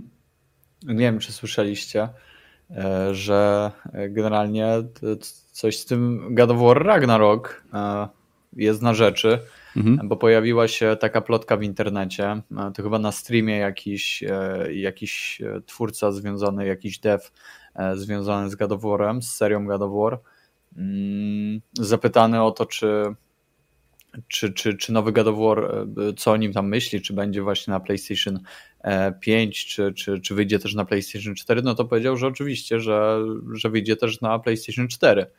Znaczy z E, tego także co, przepraszam, przerwę ci, on powiedział, że nie widzi powodu, dla którego miałoby nie wyjść. E, To, ja znowu mam cytat. Jestem pewien, że kolejny God of War będzie grą PS4, PS5. To nie Aha. ulega wątpliwości. Jim, Jim Ryan właściwie już to powiedział. Stwierdził e, ten właśnie Mhm. David Jaffe podczas prowadzonego przez siebie streama. E, to No też widziałem to, to może ja, może ja inaczej zrozumiałem. No ale to ciekawe. I co sądzicie? Dobra decyzja czy zła? No, nie wiem. E, To znaczy, no z jednej strony e, chciałbym już full e, tytuł, który będzie tylko na PlayStation 5 i, i będzie pokazywał coś. Będzie od dużego studia i, i po prostu mną pierdolnie o ziemię jak Kratos, nie wiem, Trolem. Hermesem czy, czy innym kurwa pajacem. Mhm. E, także to, to chciałbym zobaczyć, no ale z drugiej strony, jeżeli ma być taka, że tak powiem, taki problem z tymi konsolami i, i część ludzi ma nie mieć do nich dostępu, no to chciałbym chyba też, żeby więcej osób w to mogło zagrać, nawet jeżeli ma to oznaczać, że no nie wiem, będzie musiał to wyjść na PlayStation 4 i ludzie będą mogli się bawić na, że tak powiem, wszystkich konsolach e, od PlayStation e, z tej poprzedniej z tej obecnej generacji. E, Także no dla mnie sytuacja jedna ma jakieś tam plusy, ale i druga i w sumie nie wiem, musiałbym być strasznie samolubny, że, żebym chciał tylko na PlayStation 5 to zobaczyć. się wydaje, że to jest już zbyt duża różnica w wydajności. Chyba, że to będzie naprawdę oparte na silniku poprzedniego God of War i to tak naprawdę e, skórka na, na grę, no to wtedy to faktycznie ma szansę, szansę wyjść i tu i tu. Mhm. No bo ja jednak, nie nie, widzę oszukujmy się, ale procesor PS4 e, jest słaby, więc obliczanie jakiejś fizyki, jakichś bardziej zaawansowanych rzeczy e, ciężko będzie plenić jeden do jednego, czyli w tym momencie e, wersja na PS5 też nie będzie mogła być, oprócz tego, że wizualnie będzie piękna, no, du, dużo ładniejsza, to samej fizyki i tak dalej nie będzie mogła mieć dużo lepszej. Ja nie widzę e, problemu, dla, w sensie powodu, dla którego e, Santa Monica nie mogliby pójść w tę stronę, w którą e, poszli twórcy nowego Spidermana. E, Czyli żeby po prostu ten God of War Ragnarok e, i gdzieś tam się tego chyba troszkę obawiam, żeby to nie była pełnoprawna część, w sensie nowa, tylko żeby to był właśnie taki jakiś standalone, e, jakiś DLC, e, który by Mhm. wypuścili. No ja To nie będzie że- raczej DLC, jak skoro masz e, ending, gdzie to jest ewidentnie, to będzie kontynuacja, nie? Bo jednak Ale już no, raczej nie, nie będzie zmiany raczej takiego zupełniej rozgrywki, jeżeli jak to było pomiędzy Nie, to- trójką to a właśnie pewno. tym, więc pewnie korzystają z tego samego silnika, no to nie sądzę, żeby e, nie, nie wypuścili tego na PS3. Chyba, że ta gra wyjdzie w 2023. Bo w W 2021 razie na to jej nie pewno. zapowiedzi nawet W na ten rok, 22 więc- może, ale Oni- też nie jestem tego Oni pewien. ją zapowiedzieli chyba na ten czy na przyszły rok, ale Na ten, wątpię. na ten, Nie. Na, no to to jest nie no Ale wiecie dlaczego Na uważam. razie tylko dali teaser, nic więcej. Zero No ale ja, masz datę. Masz Masz tę datę. Co Zero. Nie. Nie, nie jest data premiery podana, tam jest data po- podana. Nie O Jezu, aż się doszukujesz. Nie, nie, no dobra, no, to jest data premiery, to wyjdzie na pewno w tym, w tym roku. No Okej. e, słuchajcie, bo No- mała szansa jest znikoma i uważam, że lepiej, żeby to przenieśli na koniec świata, niż gdyby mieli coś spieprzyć. Ale ja pamiętam wywiad y, z twórcą God of War'a, i który mówił, że do pierwszego tego, God, znaczy do pierwszego, do tego God of War'a, którego otrzymaliśmy na PlayStation 4, planowane na początku było DLC. Tylko, że oni pracując nad tym DLC, rozbudowali je tak bardzo, że jakby wydawca, czyli Sony i oni też podjęli decyzję, że zrobią z tego kontynuację. Hmm, I tak jak w Santos the, the Third, czwórka było miało być DLC, a potem stała się pełną prawną grą. E, No, słuchaj, no jeżeli pracowali, tak jak mówimy, na silniku, który już mieli, nie? No to część tego spora mogła być już e, spora. No przynajmniej Bardziej będą chyba na obydwu konsolach ta, No. ta gra wyląduje. pieniądze, słuchajcie, pieniądze. Tak naprawdę, tak? E, Więc mają silnik e, ten, wystarczy, że e, podrasują go pod względem tekstur, rozdzielczości i efektów cząsteczkowych, a odnośnie fizyki Płynności, Isaac, animacji. E, to No. są dwa sposoby e, jakby generowania fizyki w grach. Jedne to, jedne to jest fizyka precalculated, gdzie masz na przykład zniszczenia w Battlefieldzie, e, gdzie tak naprawdę to nie jest obliczane przez konsolę, tylko to jest już obliczony sposób, w jaki w określonym momencie budynek się zawala. Nie mówię o zniszczalności ścian, bo to to jest pikuś, jeżeli chodzi o konsolę, wysadzenie fragmentu ściany, która i tak zawsze wybucha w praktycznie identyczny sposób. E, Więc e, możesz mieć w God of War na PlayStation 4 fizykę prekalkulowaną, ale e, tak naprawdę też nie widzę powodu, dla którego nagle miałaby być fizyka liczona w czasie rzeczywistym na PlayStation 5, skoro zazwyczaj tego typu zniszczenia są w bardzo takich kinowych scenach akcji, gdzie Kratos na przykład walczy z trolem, albo nie wiem, z Posejdonem, albo nie wiem, no rozumiecie o co mi chodzi, nie? Że No, te, ale to, t- tutaj moim ja wiem, że w, w tych cutscenkach, ale no właśnie tutaj w tym tytule to by się aż prosiło czasami o takie, takie rzeczy. No, No ale to te cutscenki się opierają zazwyczaj na quick time eventach też troszeczkę, więc no, to, to zwiększenie ilości tam szczegółów właśnie w takiej cutscenki, w której faktycznie gracz tylko naciska jeden guzik, a- cała scena się tak rozgrywa, jak się miała rozgrywać, no to nie jest trudne. mhm. Ani na, na poprzedniej, o, ani na poprzedniej generacji, ani na obecnej. Jeżeli Jakby chcieli rzeczywiście zrobić możliwość wpływu gracza na świat, no to rzeczywiście trzeba było chyba by zrezygnować z PS4, bo tego Mhm. raczej by się nie dało dynamicznie zrobić. Tak, tylko że pamiętajcie, co Kratos zrobił podczas pierwszej walki z Baldurem. E, Jeżeli Mhm. dać by Kratosowi i graczowi możliwość wpływania na świat, to w pierwszych pięciu minutach Kratos by się kąpał w jądrze ziemi. Ej, dokładnie o to chodzi. To Nie. bym chciał zobaczyć. Nie, nie. Ja, ja bym. Po... Tak, Jeżeli na pewno ta gierka będzie cross, y, crossgenowa, tylko kwestia, jak dużo uda im się upchnąć nowej technologii i nowych bajerów w kontynuacji. E, Może być lepsza animacja, nie wiem, e, ubrań, może być lepsza animacja wody, lepsze tekstury, ray tracing może być wrzucony, e, jeżeli puszczą gierkę w 14-14p, tak jak zrobili to ze Spider-Manem na Moralesem na piątce, więc no jest kilka rzeczy, które bez problemu e, mogliby tam wcisnąć i myślę, że nikt nie byłby zawiedziony. Ja osobiście na pewno nie, bo ka- każda kolejna część e, God of War, po tej, którą mi ostatnio dali, to ją witam z otwartymi rękoma. Czy coś jeszcze mamy ciekawego? Z nieplanowanych? No, No ja chyba były. Ja, znaczy ja powiem, on, mam news taki jakby był o Epic. Jaki? I też wczytałem news o Naughty Dog, który chcecie bardziej. E, O Epic, o Naughty Dog. o, Epic, o Naughty Dog? Dobra, to od tego może zaczniemy. Już jest podobność pracują nad nowym, e, nowym tytułem. Pytanie, kto na pracuje, bo tyle osób się zwolniło, że ja tam nawet, nawet nie widzę. Właśnie też już jest lista pracowników podanych. Też już jest lista pracowników podanych, którzy już na tym pracują. Tak, to... Na, to... na PP możesz znaleźć listę. O, O, to będę PP. musiał poczytać. Czy dziwicie to, że pracują nad czymś nowym? Oni przecież e, co, No, teraz nic nie... Byłem pewien, że pracują nad The Last, nad Last of Us, bo multiplayer chyba mieli wydać jeszcze do tej gry. no I ale faza już nie- nie, koncepcyjna gra, się, gry. gra się słabo sprzedała i olewamy IP? Wiesz co, Nie, jak na Naughty Dog to gra się nie na razie- sprzedała słabo, jak na, jak na Last of Us się sprzedała względem poprzedniej części, ale jako gra to sprzedała się bardzo dobrze. Jak na X? No to nie wiem, moim zdaniem powinna więcej się sprzedać. No 5 milionów to nie jest źle. A ile się sprzedał ten, ten Ghost of Tsushima? 8? No, może. Mm. Okej, nowe To IP. są różne gry dla różnych odbiorców. Okej, okej, okej. Już o tym rozmawialiśmy. Tro- Troszeczkę, troszeczkę, nie będę Patrzcie jak ten Last of Us do nas wraca, jak bumerang. No, trzeba, trzeba, trzeba smród, jeszcze jak kiedyś. smród. Jak smród, dokładnie. Komu śmierdzi, temu śmierdzi. Cześć Kamil.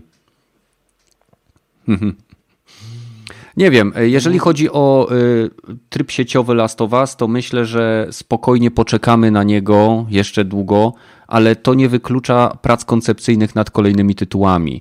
Tak jak na pewno CD Projekt Red, mimo że, że rozgarnia ten cały, że tak powiem, shitstorm, który ma teraz z Cyberpunkiem, nadal pracuje nad y, trybem sieciowym, mimo że twierdzą, że nie. Jestem, dam sobie obie, oba palce uciąć, kciuki u rąk, że ktoś, nawet jedna czy dwie osoby nadal pracują i zastanawiają się, jakie systemy tryb sieciowy Cyberpunka ma w sobie mieć i czy będą w stanie to zrobić.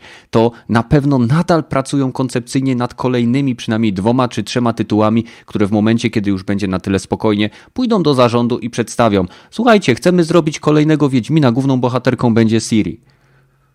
Nie? I instant No, w win. tym momencie Wiedźmin jest takim pewniakiem, więc to jest No. kart, taka ostatnia karta ostatniego ratunku, nie wiem, tak można nazwać. Mhm.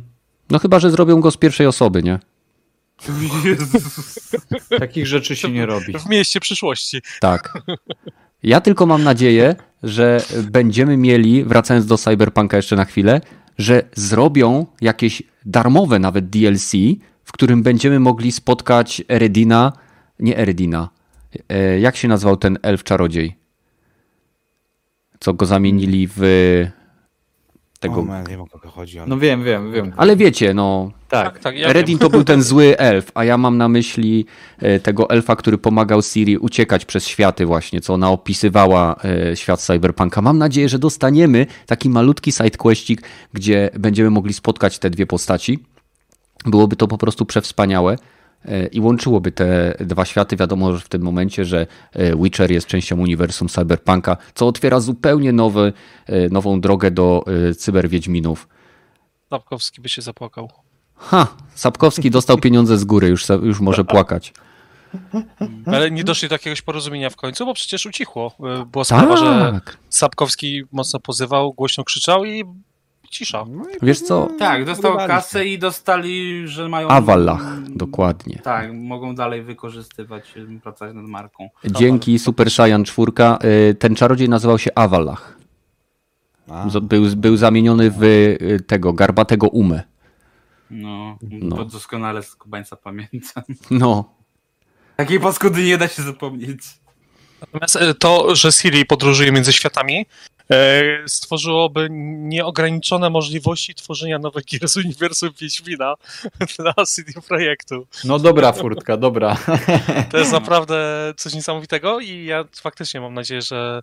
Znaczy inaczej, ja byłem pewien, że w Cyberpunku spotkamy Siri, ale jej nie spotkaliśmy jeszcze. Są Jeszcze. teorie, że jaskółka, którą masz na końcu jednego z zakończeń, to, to jest właśnie Ciri. Jako jedyna w sumie jaskółka się pojawiła, a że Ciri to właśnie była, znaczyła jaskółka. Czyli to, jak przeszła do świata cyberpunka, to zamieniła się w ptaka. A wiedzieliście, że w Cyberpunku możemy spotkać tę te, te kobietę z tego pierwszego trailera? Tak, można ją znaleźć podczas y, jednej No, z Z cyberpsychos. ostrzami modliszki, tak? Tak, tak, tak, tą z ostrzami modliszki, ona jest tam... To wygląda Zresztą- trochę inaczej, nie? No, wyg- no bo generalnie ona na końcu trailera też tak wygląda, nie? To widziałeś też, że, Mhm. że na końcu trailera ona jest generalnie... Nie jest tak roznegliżowana, tylko, tylko no, no wygląda, jest ubrana po prostu w taki, no, w taki bojowy e, strój raczej, Max ma tak. te swoje gogle też, Dokładnie. E, więc w, te, w, tej, w tej okazałości możemy ją spotkać w grze. No, zobaczymy ile z tego, co nam obiecali, nam dadzą, czy będziemy mieli ten wątek, który miał być niby z infiltracją siedziby Maxtag, gdzie przebieramy się za jednego z żołnierzy, bo znajdujemy jego zwłoki, czy dostaniemy jakieś dodatkowe sidequesty. Największy potencjał, jeżeli chodzi o generowanie sidequestów, dla mnie takich e, mocno wykręconych, to mają na pewno te pustkowia, bo miasto muszą po prostu y, przywrócić do życia. A jeżeli chodzi o ten, o, o całą resztę, no to niech po prostu to technicznie naprawiają i, i, i łatają. Nie wiem, jeżeli nie mamy żadnych dodatkowych, y, dodatkowych tematów, to myślę, że możemy powoli kończyć. Moż, można o Epiku Możemy. jeszcze tam wspomnieć. O czym? O Epiku. No Epic to mów, Games. mów, mów, śmiało. A więc do kolejnych zakupów wspomnę o poprzednich, że e, kupili w zeszłym roku studio od Rocket League, studio, które robiło narzędzia do animacji twarzy, które ch- były wykorzystywane w God of Warze i do motion capture i chyba w Spider-Manie tak samo były wykorzystywane. Kupili sobie e, shopping mall, taki gigantyczny shopping A, mall. widziałem, no. A tak, widziałem to takie... za po- po- po 95 milionów dolarów. Potrzebowali nowego miejsca do, do, do swoich, żeby ich niewolnicy od robienia kontentu do Fortnite'a mieli gdzie pracować, bo im już ich oryginalnej lokalizacji nie mieszczą się ludzie, to kupili sobie cały shopping mall. To mnie rozwaliło troszeczkę. Z innych jeszcze chyba zakupów to chyba e, Rad Tool e, e, kupili, to są tak jakby kodek do, do puszczania filmów, zazwyczaj się w grach go wykorzystuje Mhm. ale z tym shopping male to pojechali ostro po bandzie, gdzie naprawdę, bo powiedzieli, że najpierw go, bo miał być ten shop, z tego co słyszałem, to miał być zamknięty i wyburzony, on już praktycznie zbankrutował z powodu wiadomo czego, Mhm. a, a kupili go właśnie i mają go przekształcić właśnie w swój kampus, gdzie mają ludzie pracować właśnie nad Fortnite'em, DLC, Unreal Engine'em i innymi, do, ale dopiero w 2024 ma być, mają e, to otworzyć oficjalnie, na razie tylko kupili. Tak, to, to wygląda jakby To jest- kupili To część jest dobra miasta. lokalizacja, jakkolwiek by nie było, nie? To Tak, tak, tak. się wydaje. Że w sumie na dzień dzisiejszy, kiedy nie wiadomo tak naprawdę, czy te lockdowny nie potrwają kolejny rok i tak dalej, no to e, takie nieruchomości, które generują ogromne koszty utrzymania i tak dalej, mogą być dla dużych firm takich właśnie jak Epic e, utrzymywane, a jednocześnie jesteś w stanie tych pracowników swoich e, trzymać odpowiednio daleko w kwarantannach, w pomieszczeniach zamkniętych. Więc Niech pracują jak niewolnicy. niech Nie, nie, no. jak niewolnicy, zostawiasz im sklep spożywczy na dole czynny i wiesz, no. No tak, spoży y, sp- spożywczy i z meblami. Żeby mogli sobie kupić wygodniejszą poduchę pod tyłek. Tak.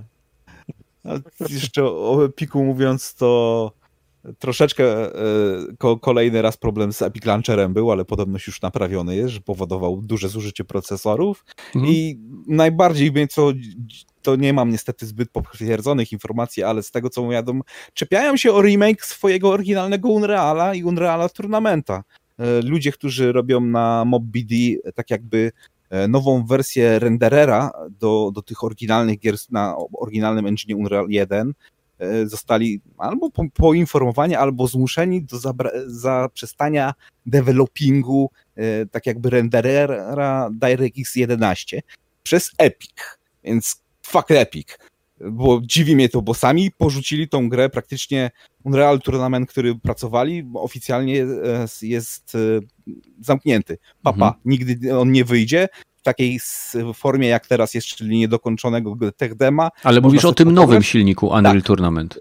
y, Tak, tej mówię nowej o wersji. tym No, nowym, no, no. Który, który 5 lat temu zaczęli e, robić i jak tylko Fortnite wystartował, okej, to wiecie co, to, to już nie będziemy tego robić i dopiero i chyba w zeszłym roku to oficjalnie powiedzieli, że projekt jest e, z- zarzucony. A Mhm. więc, no dobra, no to dajcie ludziom przynajmniej swoje oryginalne gry e, pograć. I tak nie da się ich kupić tam w waszym sklepie, więc e, nie, nie, nie miesza to z waszym nic sklepem, więc nie rozumiem, dlaczego to powiedzieli tak, jakby nie wolno im to dalej rozwijać tego moda właściwie. No ja też nie rozumiem, bo y, od samego początku ten otwarty, darmowy Unreal Tournament miał być projektem społecznościowym. I teraz w momencie, kiedy społeczność nadal chce tej konkretnej gry, oni ukręcają im jajca. Yep. To jest, to jest y, bardzo niefajne zachowanie. A ja osobiście z przyjemnością zagrałbym na tym nowym silniczku y, Facing Worlds albo w Morpheusa, y, w Instagiba najlepiej jeszcze z Low Gravity.